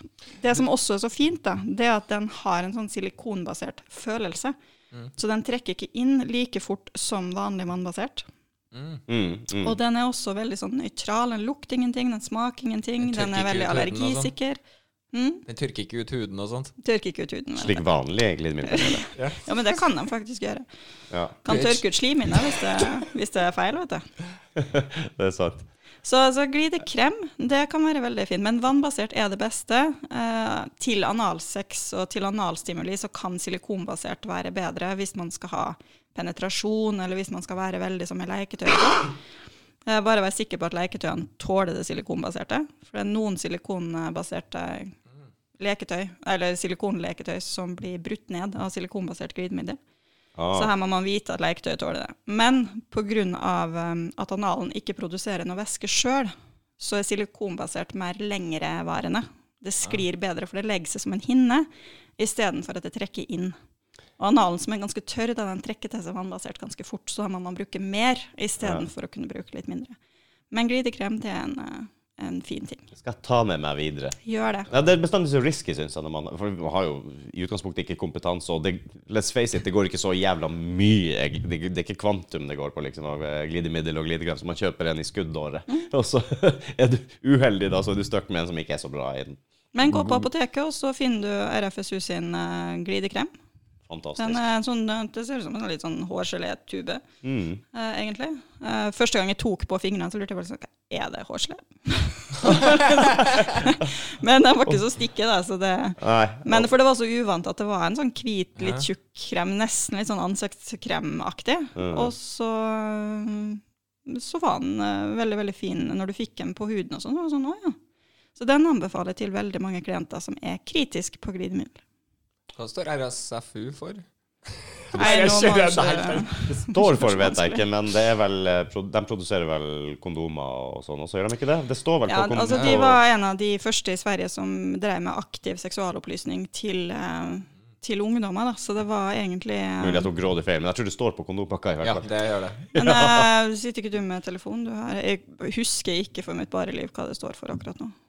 Ja, jeg, ja, jeg er jo sånn Jeg tror det er aspergeren i meg som kicker inn. Det er i hvert fall svensk eh, Det var de, det var de Står som S for svensk, tror du? Er det noe sånt? Nei, seksualopplysning, tror jeg det. Ja. Noe sånt. Men eh, eh, de, de begynte med seksualopplysning til ungdom fordi at de mente at det var ingenting. Så det, det er et veldig gammelt eh, merke. Skulle jeg si. De begynte veldig tidlig med seksualopplysning. Riksforbundet for seksuell opplysning. Yes. Mm. Ja, Mm. forbundet, va. Yes. Så uh, omtrent det jeg sa. Produsere kondomer. Ja. Nei, men altså, de, de begynte med seksualopplysning først, og så begynte de faktisk med, med kondomproduksjon og sånne ting. Så de, de hadde en veldig aktiv seksualundervisning i Sverige, Mm. som spredde seg videre og hadde flere magasinoppslag og sånne ting Jeg for å husker at de hadde mer på MTV, og Ja. mener jeg husker på. Så de var veldig sånn foretakspersoner. Så de, de har gjort ekstremt mye bra. Ikke det at jeg skal drive og lese nyheter, her, men jeg så en artikkel i dag som jeg tenkte jeg skulle Er vi så kjedelige å dele med dere. Ja. Jeg ble, nå gikk jeg liksom på telefonen. Nei da, jeg så noe her som jeg hadde tenkt til å, til å ta fram. Mm -hmm. Men nå er vi spent. Der, ja. Penisstudiet. Dag, Da, Dagbladet. Hva med med nasen? Interessante funn, ja. Har du lest den? Ja, ja. Så bra. Har du lest den? Jeg leser ikke nyheter, da. Så Nei. Altså, jeg, det første som slår meg, er jo uh, Penisstudiet vekker oppsikt. Det er jo uh, Det er jo uh, Kommer an på hvilket penisstudie det er. Ja, her er jo da fra den uh, Her er jo knallbra kildekritikk, tipper jeg. Den populære TikTok-plastikkirurgen Anthony Young. Han bekrefter en gammel myte om penislengde. Uh, I en av sine nyeste videoer på TikTok. Så jeg tenker uh, Har du fått med deg det? Jeg har ikke TikTok. Nei. Han, mer enn nok med Snapchat. Hvis jeg skulle ha blitt kontakta kontakt med ungdommer på TikTok, så hadde jeg trengt mer enn supervisjon. Åh, ja. Uff. Eh, han hevder det er en betydelig korrelasjon mellom en manns nesestørrelse og penisstørrelse. Ja, Eh, det, det skal jeg se noe seriøs forskning på før jeg ja, det er sju japanske urologer på Kyoto uh, University of Medicine som Har tidligere de har sett gjennomsnittsstørrelsen til en japansk penis i forhold til f.eks. afrikanske? Det er vel kanskje en forskjell.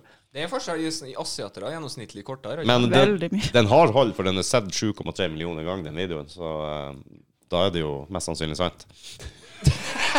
Eh, og så vil jeg bare informere til alle som hører denne episoden her, vær for guds skyld kildekritisk. Ja. Her er jo Hva er det de har funnet ut, Ja, da? men Det var noe med nesestørrelse. For det, og det står, Ja. De påpeker i hytt og pine at Altså- skostørrelse og alt sånt der ikke har noen Sko, korrelasjon. skostørrelse og den der noe målinga Ja, ja, mellom ja. pekefinger og sånn, det er Nada. bare bullshit. Ja. Det de har funnet Det tegn er på, da gener som, eh, som regel styrer penisstørrelsen. De Ja. har funnet, da Og det her tar du til min, min fordel, da. Det var, det var ikke meninga jeg bare kom på når jeg skulle si det her men det var, ah, skal jeg si det? Men lange menn Langemann. har en tendens til å være litt lengre. Nei da, det er bare tull. Og sto det i VG. Nei, det, Det. Sto det det i VG. har ingenting å si. Det har Eh, ingenting uh, det- å si. var det Jeg kan anbefale alle menn og kvinner til å få tak i Penisatlas, som er skrevet av Espen Ester Pirelli Benestad. eller hva Ja, det var heter. han som sa det, tror jeg. Eh, så, så penisatlas den tar for seg forskjellige penisstørrelser, både i slapp og stiv tilstand. Det er veldig sjelden atlas å få tak i nå. Man er nødt til å kjøpe det brukt, eller låne på biblioteket, faktisk. Jaha. Eh, Men eh, Ja. er man så heldig å få tak i det, så lærer man utrolig mye om penisen. Og der ser man at det, det er faktisk ingen sammenheng med ting.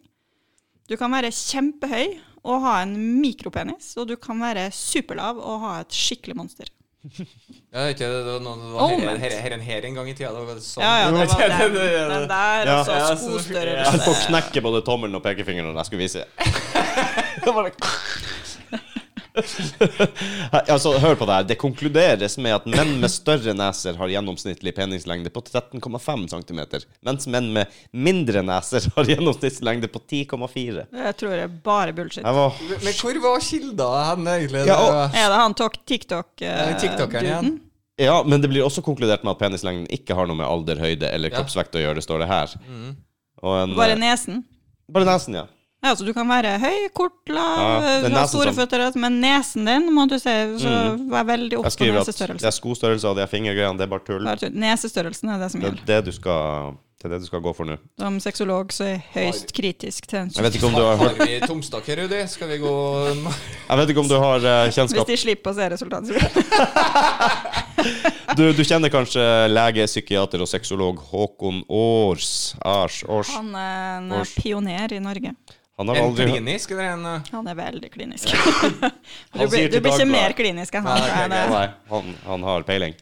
Altså En av bøkene hans var pensum på eh, sexologiskolen. Han okay. har skrevet uh, menns uh, seksualitet, som tar for seg alt av menn Ja. innen klinisk uh, Ja.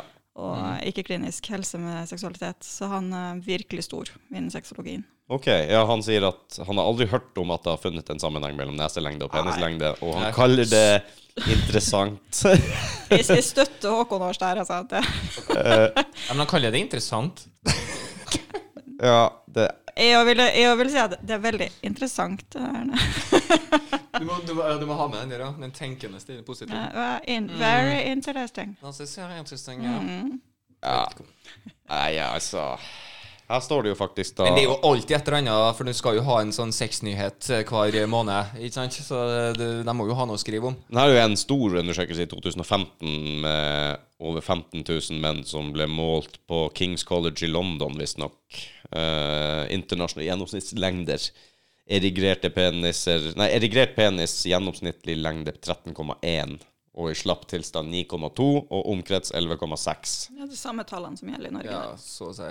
Ja, okay. 13,2 er da, så vi er litt lenger i Norge. det er så, Hvorfor bryr vi oss om sånt? Ja, det er jo millimeter, liksom. Altså, jeg, har, jeg har ikke hørt engang på kvinner som sitter og, og sammenligner vaginalengde, liksom. Nei. Hvor dyp er din vagina? Nei, den er 8 Ja. cm. Å, ja, min er 10. Åh, jeg klarer mye mer. Ja, Og hvis cervix trekker seg tilbake, så kan jeg greie 12. Er ikke det sånn rent historisk sett også, så går det veldig opp og ned på hva som er populært å ha hos menn, store eller små peniser? Jeg tror det var en tid i der romertida Eh, det er så for menn, i så fall. Ja, for det er menn, kun ja. menn Altså som sånn- syns det her er ja. interessant. For Ja, ja. kvinner, vi forstår det bare ikke. Nei. Altså, det, Det er jo altså, favorittleken vår.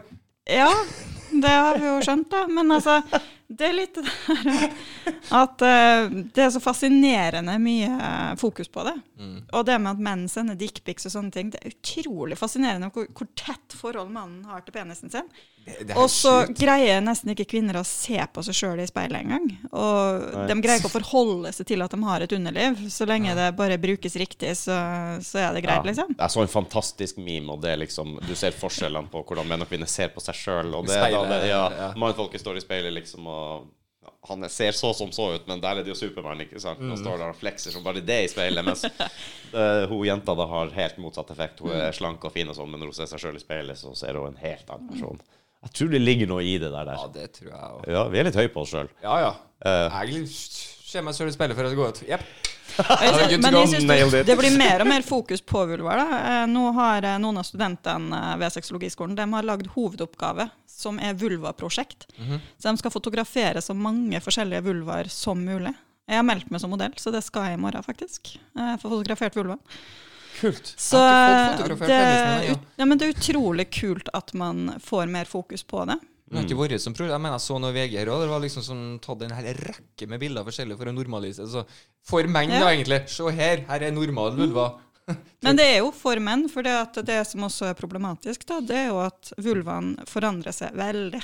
Mm. Fra man er barn til man er ungdom til man er voksen. Ikke sant? Både i størrelse og fargene forandres også etter vekt ikke sant? Mm. og alt det her.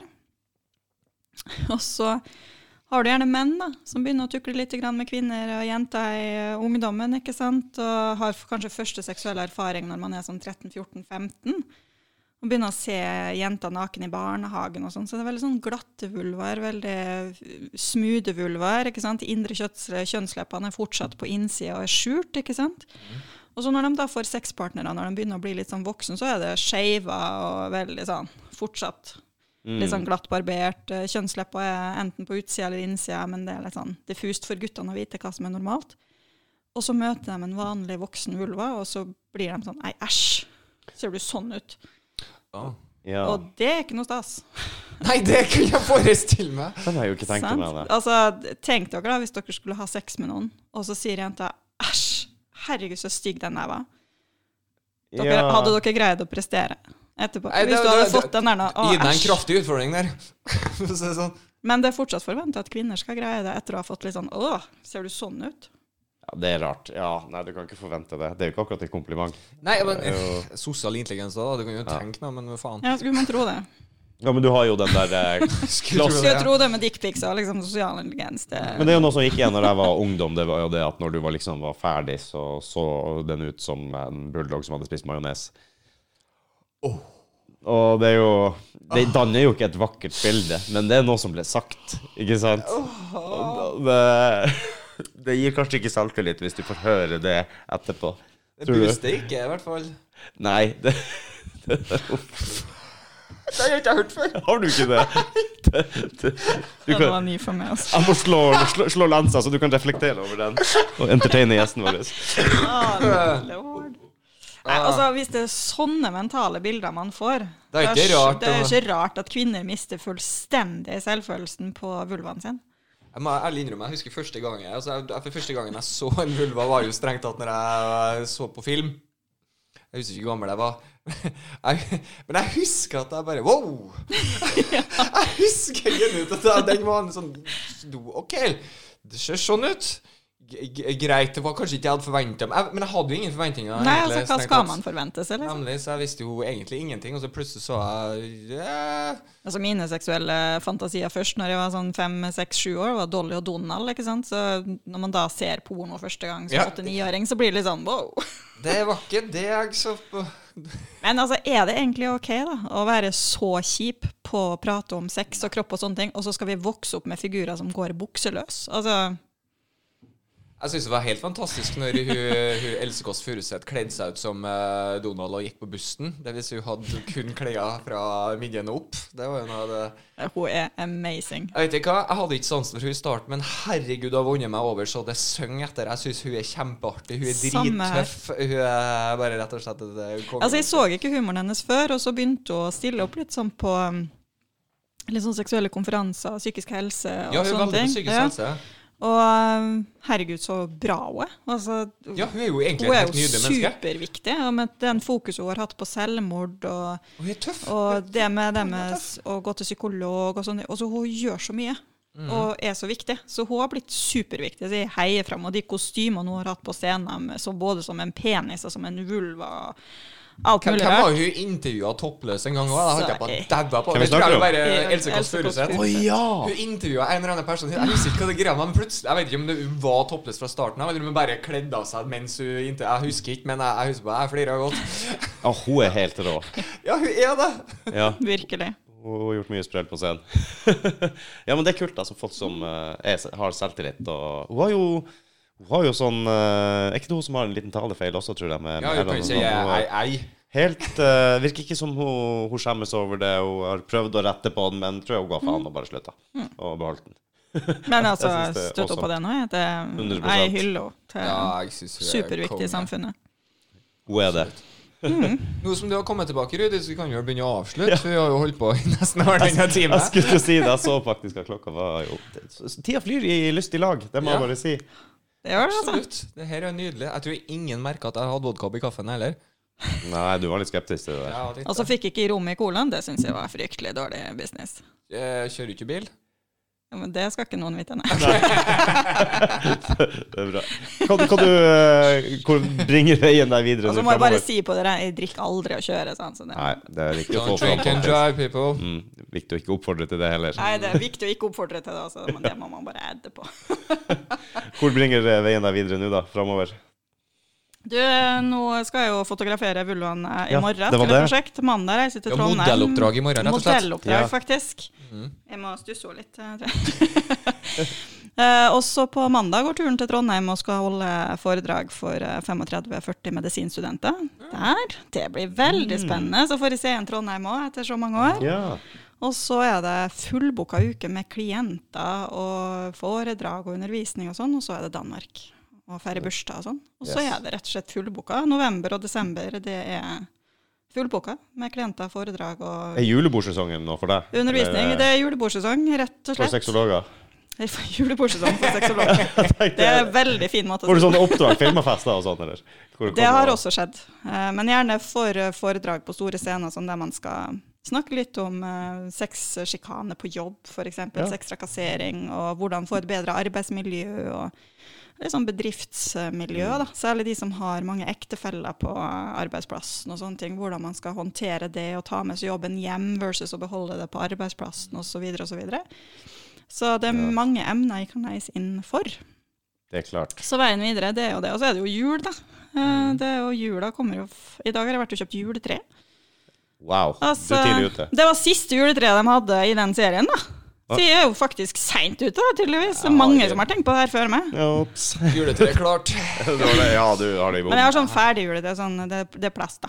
Ja. Eh, Fordi at jeg eh, tenker bare på de trillionene med dyr som kommer inn, og det er noe jævelskapet med å støvsuge opp og sånn, det skjer ikke så Jeg har plass. allerede masse dyr, så det der er Trønderen i meg kommer fram når det begynner å bli jul, for da blir jeg harry. Ja, det blir det, ja. Ja, ja, ja, du skal se det helt fantastiske treet ja, det var for så vidt. Uh, Du tar inn høytida, du. Oh, ja, Ja. jeg virkelig. Jeg, har jo, jeg har jo et juletre. Det er helt hvitt i plast. da Jeg syns den er fuckings awesome. Jeg har jo selvfølgelig sånn uh, lys med, med app da som jeg kan Ja, legge inn spe- Som jeg kan legge inn speddelista sånn for når lysene skal være forskjellige. Jeg kan til og med, om jeg vil, sette meg ned For du, kan- jeg må jo skanne juletreet så jeg finner ut hvor alle punktene er.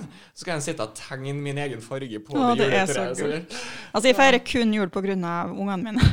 Ja, det er mange som gjør det. Så jeg har kjøpt rampenisse, og jeg har kjøpt juletre, og nå har jeg vært og funnet store kasser med julepynt på loftet til, loftet til eksen, som har vært borte i to Ja, år. så har du 24 sprell å finne på du framover snart. Ja, men de er allerede i rampenissen. Boks, og det er veldig mange av dem inkluderer klitoris og noen hekla peniser og noen diverse bøker. Hekla penis? Jeg har fått hekla penismodell og en klitorismodell og en vulvamodell, så jeg kan ta med inn i skolen og undervise, for det er lettere for elevene å sende rundt noe som er hekla og som er litt sånn uskyldig, Mm. enn å skulle få kasta på seg en sånn her eller en dildo eller et eller annet. Ja. Sånn hekle en sånn penisfutteral til Du har jo de der eh, den er støy, knekket, faktisk. støyp din egen uh, greie. Ja. Har du noen erfaring med dem, eller? Eh, Jeg har ikke prøvd det sjøl. Nei, det regner jeg med, men har noen av partnerne dine prøvd? Hvordan er kvaliteten på det, hvis du vil lage din egen Ingen av mine partnere har eh, gjort det. Jeg har ikke hatt behov for å ha noen av mine partnere sine peniser i dildoform. Eh, Men, eh, men um, Det er hardt å holde den opp gjennom hele den tida det skal støpes. ja, altså, Ja, for det, ja, for det tenker jeg er største utfordringa. For det skal være ganske lenge. Så jeg har jo solgt flere sånne sett. Og prøve å stå da og forklare hvordan det fungerer. Så ja, så må du holde det regert så og så lenge, og så må du være så forsiktig. Og så han bare What?! Har du vurdert porno i bakgrunnen? Bare sånn lite tips. Ja, det Har du dame kan jo stå ved sida av eller- og gjøre, eller noe? Jeg har sett på en erotisk novelle på lydbok eller noe. Ja, for du skal Ja, Du skal holde det regert ganske lenge, da. ja du kan jo ikke touche heller. Det kan liksom ikke Nei, det går jo ikke det heller. Oi, det er mental Yes, det der har du en øvelse strong til deg. Ja, Altså, du skal, du skal være rimelig trygg på at du greier å holde det regert. eh. det er jo litt kjedelig hvis du ikke klarer det, og så Det er kanskje ikke like Ja, men det, det, det er bare vi som bryr oss. Det er det vi skal fram til her. ikke sant? Det, Ja. vi sitter og Ja, det er kanskje kjedelig hvis den ikke blir sånn. det er jo det. Altså, det er kun bare 20 kvinnfolkene bare Ah, careface. Men altså, det er kun 20% av kvinner som får eh, orgasme med kun vaginalt, eh, Mm. vag- vaginal stimuli. Ikke sant? Så den dildoen der, den er sånn fordi, For mange så vil den være litt sånn likegyldig. Var ikke det du Kom som heller med en eh, liten klitorisvibrator. Jeg tror det var du det også som uh, skrev noe om det der, der med forskjellig utstyr til Ja. forskjellig jobb som skal gjøres. Og Det fordi folk spør liksom eh, Kan veldig skade med så mange dildoer, på en måte. Ja, hvor mange skrutrekkere trenger du for å gjøre en jobb? Oh, ja. Det er liksom eh, Den var ikke dum. Nei, du har noen sånne fine gullkorn. Og den der uh, Grow Vagina, den har jeg tatt med meg i, i hverdagen. Den er så Den, den Ja. fisker jeg etter. Er det lov til å si det? Jeg visste jo den fra før av, så jeg bare la det fram litt. Så bare, «Hå, kom igjen. Ja, bare ja, yes, ja. Nei, den hadde ikke jeg hørt. Den, Den hopper jeg på med en gang jeg får muligheten. ja, den har slått an flere steder. Det- Ja, den har det. Ja, den er jo Men altså, det er jo helt sant. Ja, altså, tenk så 100%. følsomme Og er så mannetestikler, og så skal man ha det som fokus på hvor tøff man er. Så tenker jeg, hvor idiot er den som fant Ja. opp det? det Så er er det så bra at det er Betty White. Ja.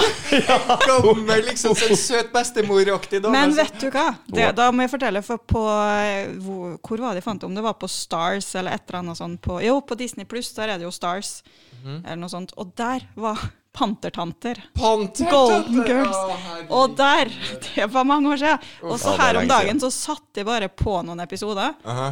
og hun der nå, frøken White Hun er Hun er det beste ever. Hun er så drøy. Den er noen lille, dumme dama som er litt sånn blond og litt sånn Mm. du, du, du. Hun har de beste Vet du hva, jeg flirte så jeg grein. Så det, Ja. det var et sånt kjærlig gjensyn med en sånn fierce dame. Hun er et av mine største idol. Og så vil jeg virkelig på. Sex Education, så må jeg bli hos sexologen deres. Ja. Det, det er drømmen. Pantertanter. Jeg tror bare det var sånn her jeg måtte vente på til For Fresh Prince begynte etterpå, tror jeg. Nei, Fresh Prince ikke gikk ikke på TV3. Gjorde ikke det? Nei, men det gikk Gjorde det? Gjorde det? Mm. Å ja. TV, også. Fresh Prince, gikk ikke det på TV2? Jo, det gjorde det. TV Norge òg, for så vidt. Det gikk på TV? Norge. Jeg husker det var et eller annet jeg satt og så Pantertante på. Hva som begynte etter det, da? Jeg vet ikke, jeg, men så noen noe skulk. Ja. Skulk med stil, kanskje det heter. Skulk med stil heter det, Saved by the Bell var egentlig det. Ja. Ja, film? Er ikke det en film? Nei, det er en serie. Ja, det er sikkert en film òg. Jo, jeg tror det er en film. Ferris Bueller. Elsker Jeg var jo forelska i Det var jo ei som heter Kelly der, mener jeg, som var Tiffany Amber Thiessen. Jeg husker navnet. Altså, jeg så Seventh Heaven, tenkte jeg. Det, det, Der så jeg, der, det hasta hjem, for å si Seventh Heaven der. Seventh Heaven. The Love Boat. Ja, selvfølgelig. Jeg så det, og det var jo uh, Men Mora mi det, men det jeg også så, da, det var den australske, hva han heter Home and Away. yeah, Home and Away. Ja, ja, ja. Men jeg så også Days of Our Lives. Oh. Den gikk jeg ikke på. Den så jeg så Så ikke var det Bold and slavisk. the Beautiful da? da Jo da. Jo, jo, jo. Den, men den så jeg bare litt, og så ble jeg lei av den. Men uh, Days of Our Lives den så jeg i mange år. Før jeg ga opp, for da skjønte jeg at det var samme plott om igjen og om igjen. Mm. Når du bruker to sesonger på å redde ei dame som er kidnappa, da ble det litt sånn Ja. Vi står fast her enda, ja. Var det noen av dere som så The Love Boat? ja. The Love Boat! Jeg så det! Gjorde du det, eller? Jeg har ikke huska å ha sett Love Boat. Jo! Ja! Men, og, og så var det der noe Rett etter det så kom hun der Nan, Nanny. Hun der, Ja, uh, Nanny. Den ser jeg på nå.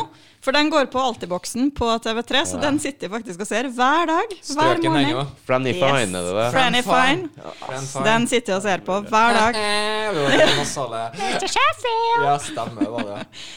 Men så var det en annen serie, og den, og den var jo ganske Den gikk lenge, altså. Nei, det, altså det, er, så- det er så morsomt Sånn ser jeg plutselig bare dukke opp. Mm. Du glemmer jo til å se opp og sitte på det. vet du. Altså Når man begynner å ramse opp, da Herregud, vi så mye TV. Men det barna i dag ikke skjønner, da var at vi måtte sitte der og vente på at det skulle skje, for vi kunne Ja. ikke ta det opp hvis vi ikke satte på VHS-spiller med to Mm. knapper på en gang, og play Ja. og record, ikke sant. Mm. Og så skulle Ja, du det måtte jo velge da skal jeg ut og leke med vennene mine nå, eller skal jeg få med en serie som jeg følger med? Ja, det er akkurat det. Ja. Nei, men det var, det var et valg, det. det. Og du skulle være innmari rask hjem fra skolen for å rekke på riktig eh, TV. Ja, ja, ja. Jeg hasta hjem, husker jeg, fra barneskolen. Ja, men altså, det, det var Det var jo sånn faste tider. da, Tirsdager klokka Mm. åtte. Da begynner det, og da skal alle hjem. Da og bonanza se. på lørdagsmorgenen. Oh, yes! Cartwrights er en stor Ja. del av oppveksten min. De er det. Jeg synes enda Hvis jeg kan sette meg om morgenen og, og se på Bonanza en lørdags- eller søndagsmorgen, det er altså Da, da koser vi oss. Bonanza var fantastisk. Little Joe. Og, og Huset på prærien og Yes. alle de der. Det er mye, også når man sitter og ramser opp sånn, herregud, vi så mye TV.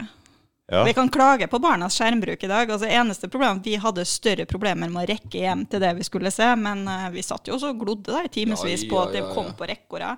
Mm. Så, nøyaktig når programmene kom. opp. Ja. så synes jeg som Det var Trond, Trond-Viggo spikrein. sin, sine seksualundervisninger på, på, barnet, eller på, på TV, da. Jeg vet ikke om det var barne-TV. Hadde ikke Trond-Viggo Torgersen og sånn Ja, sædceller han som hadde- fløy rundt på en Pioner der, skal du si. Kroppen, var ikke det det heter? Jo, det, det var det det var, ja. Men uh, han var jo innmari dyktig, for han snakka Ja. på et språk barna forsto. Ja. Og, og at man lærte veldig mye. Så nå har han jo kommet med en ny bok som heter 'Kroppen for voksne'. Sier du det? Ja. Den er nylansert. Kanskje vi må invitere Trond-Viggo Torgersen på besøk? Synes jeg det hadde vært helt nydelig. Det hvis må han dere gjøre. Han er jo en magisk mann. Ja, ja, ja, jeg har ikke noe annet enn respekt for den fyren, og uh, syns han er helt fantastisk. Inviter meg samtidig, så kan jeg sitte og stille seks spørsmål til han. Ja! Så jeg kan spørre. Nei, så jeg kan. Ja! Det må vi gjøre. Ja, Gjett hva skal Tror man er på Insta. Sexologen og legen. Ja. ja, det er bra. Nei, men da har vi en plan, da. Ja. Det har vi. All right, da fikk jeg spurt Da fikk du, fikk du spurt. Yes. Var det flere spørsmål før vi runda? Nei, jeg tror ikke. Nei, Bare du har fått svar på et. Nei, jeg, har, jeg, må ha, jeg må, har et par til som vi må ta til neste gang. Ja, Eh, vi får besøk av vår fast Jeg vet ikke, jeg har bare det Da kan jeg få si en ting. Jeg var på arbeid her og syntes det var litt nydelig der jeg fikk Å! Det er som hun der sexologen din sier, vet du, Mattis. Da En gang til. Da er det noen som har hørt på podkast. Og så var jeg bare La meg det, det, Sexologen min? Det var OK. Ja, nei, men så hun som var med i podkasten, da. Ok, ja, det blir noe annet. Det, det er noe annet. Det er viktig med sånn definisjon. Riktig definisjon. Hun er satt i bås Mattis nå. Det er liksom uh... Men jeg elsker at jeg har blitt fast sexolog. da. Det, det syns jeg er fabulous. Ja, takk, for det var det jeg håpa. Så det, det, den tar jeg. Det er bare å si fra. Du løfter oss til nye høyder der. Det blir eh, helt nydelig. Fantastisk. Tusen takk for at du kom, Tone. Takk for at jeg fikk komme. Fantastisk. Ha det bra. Ha det bra.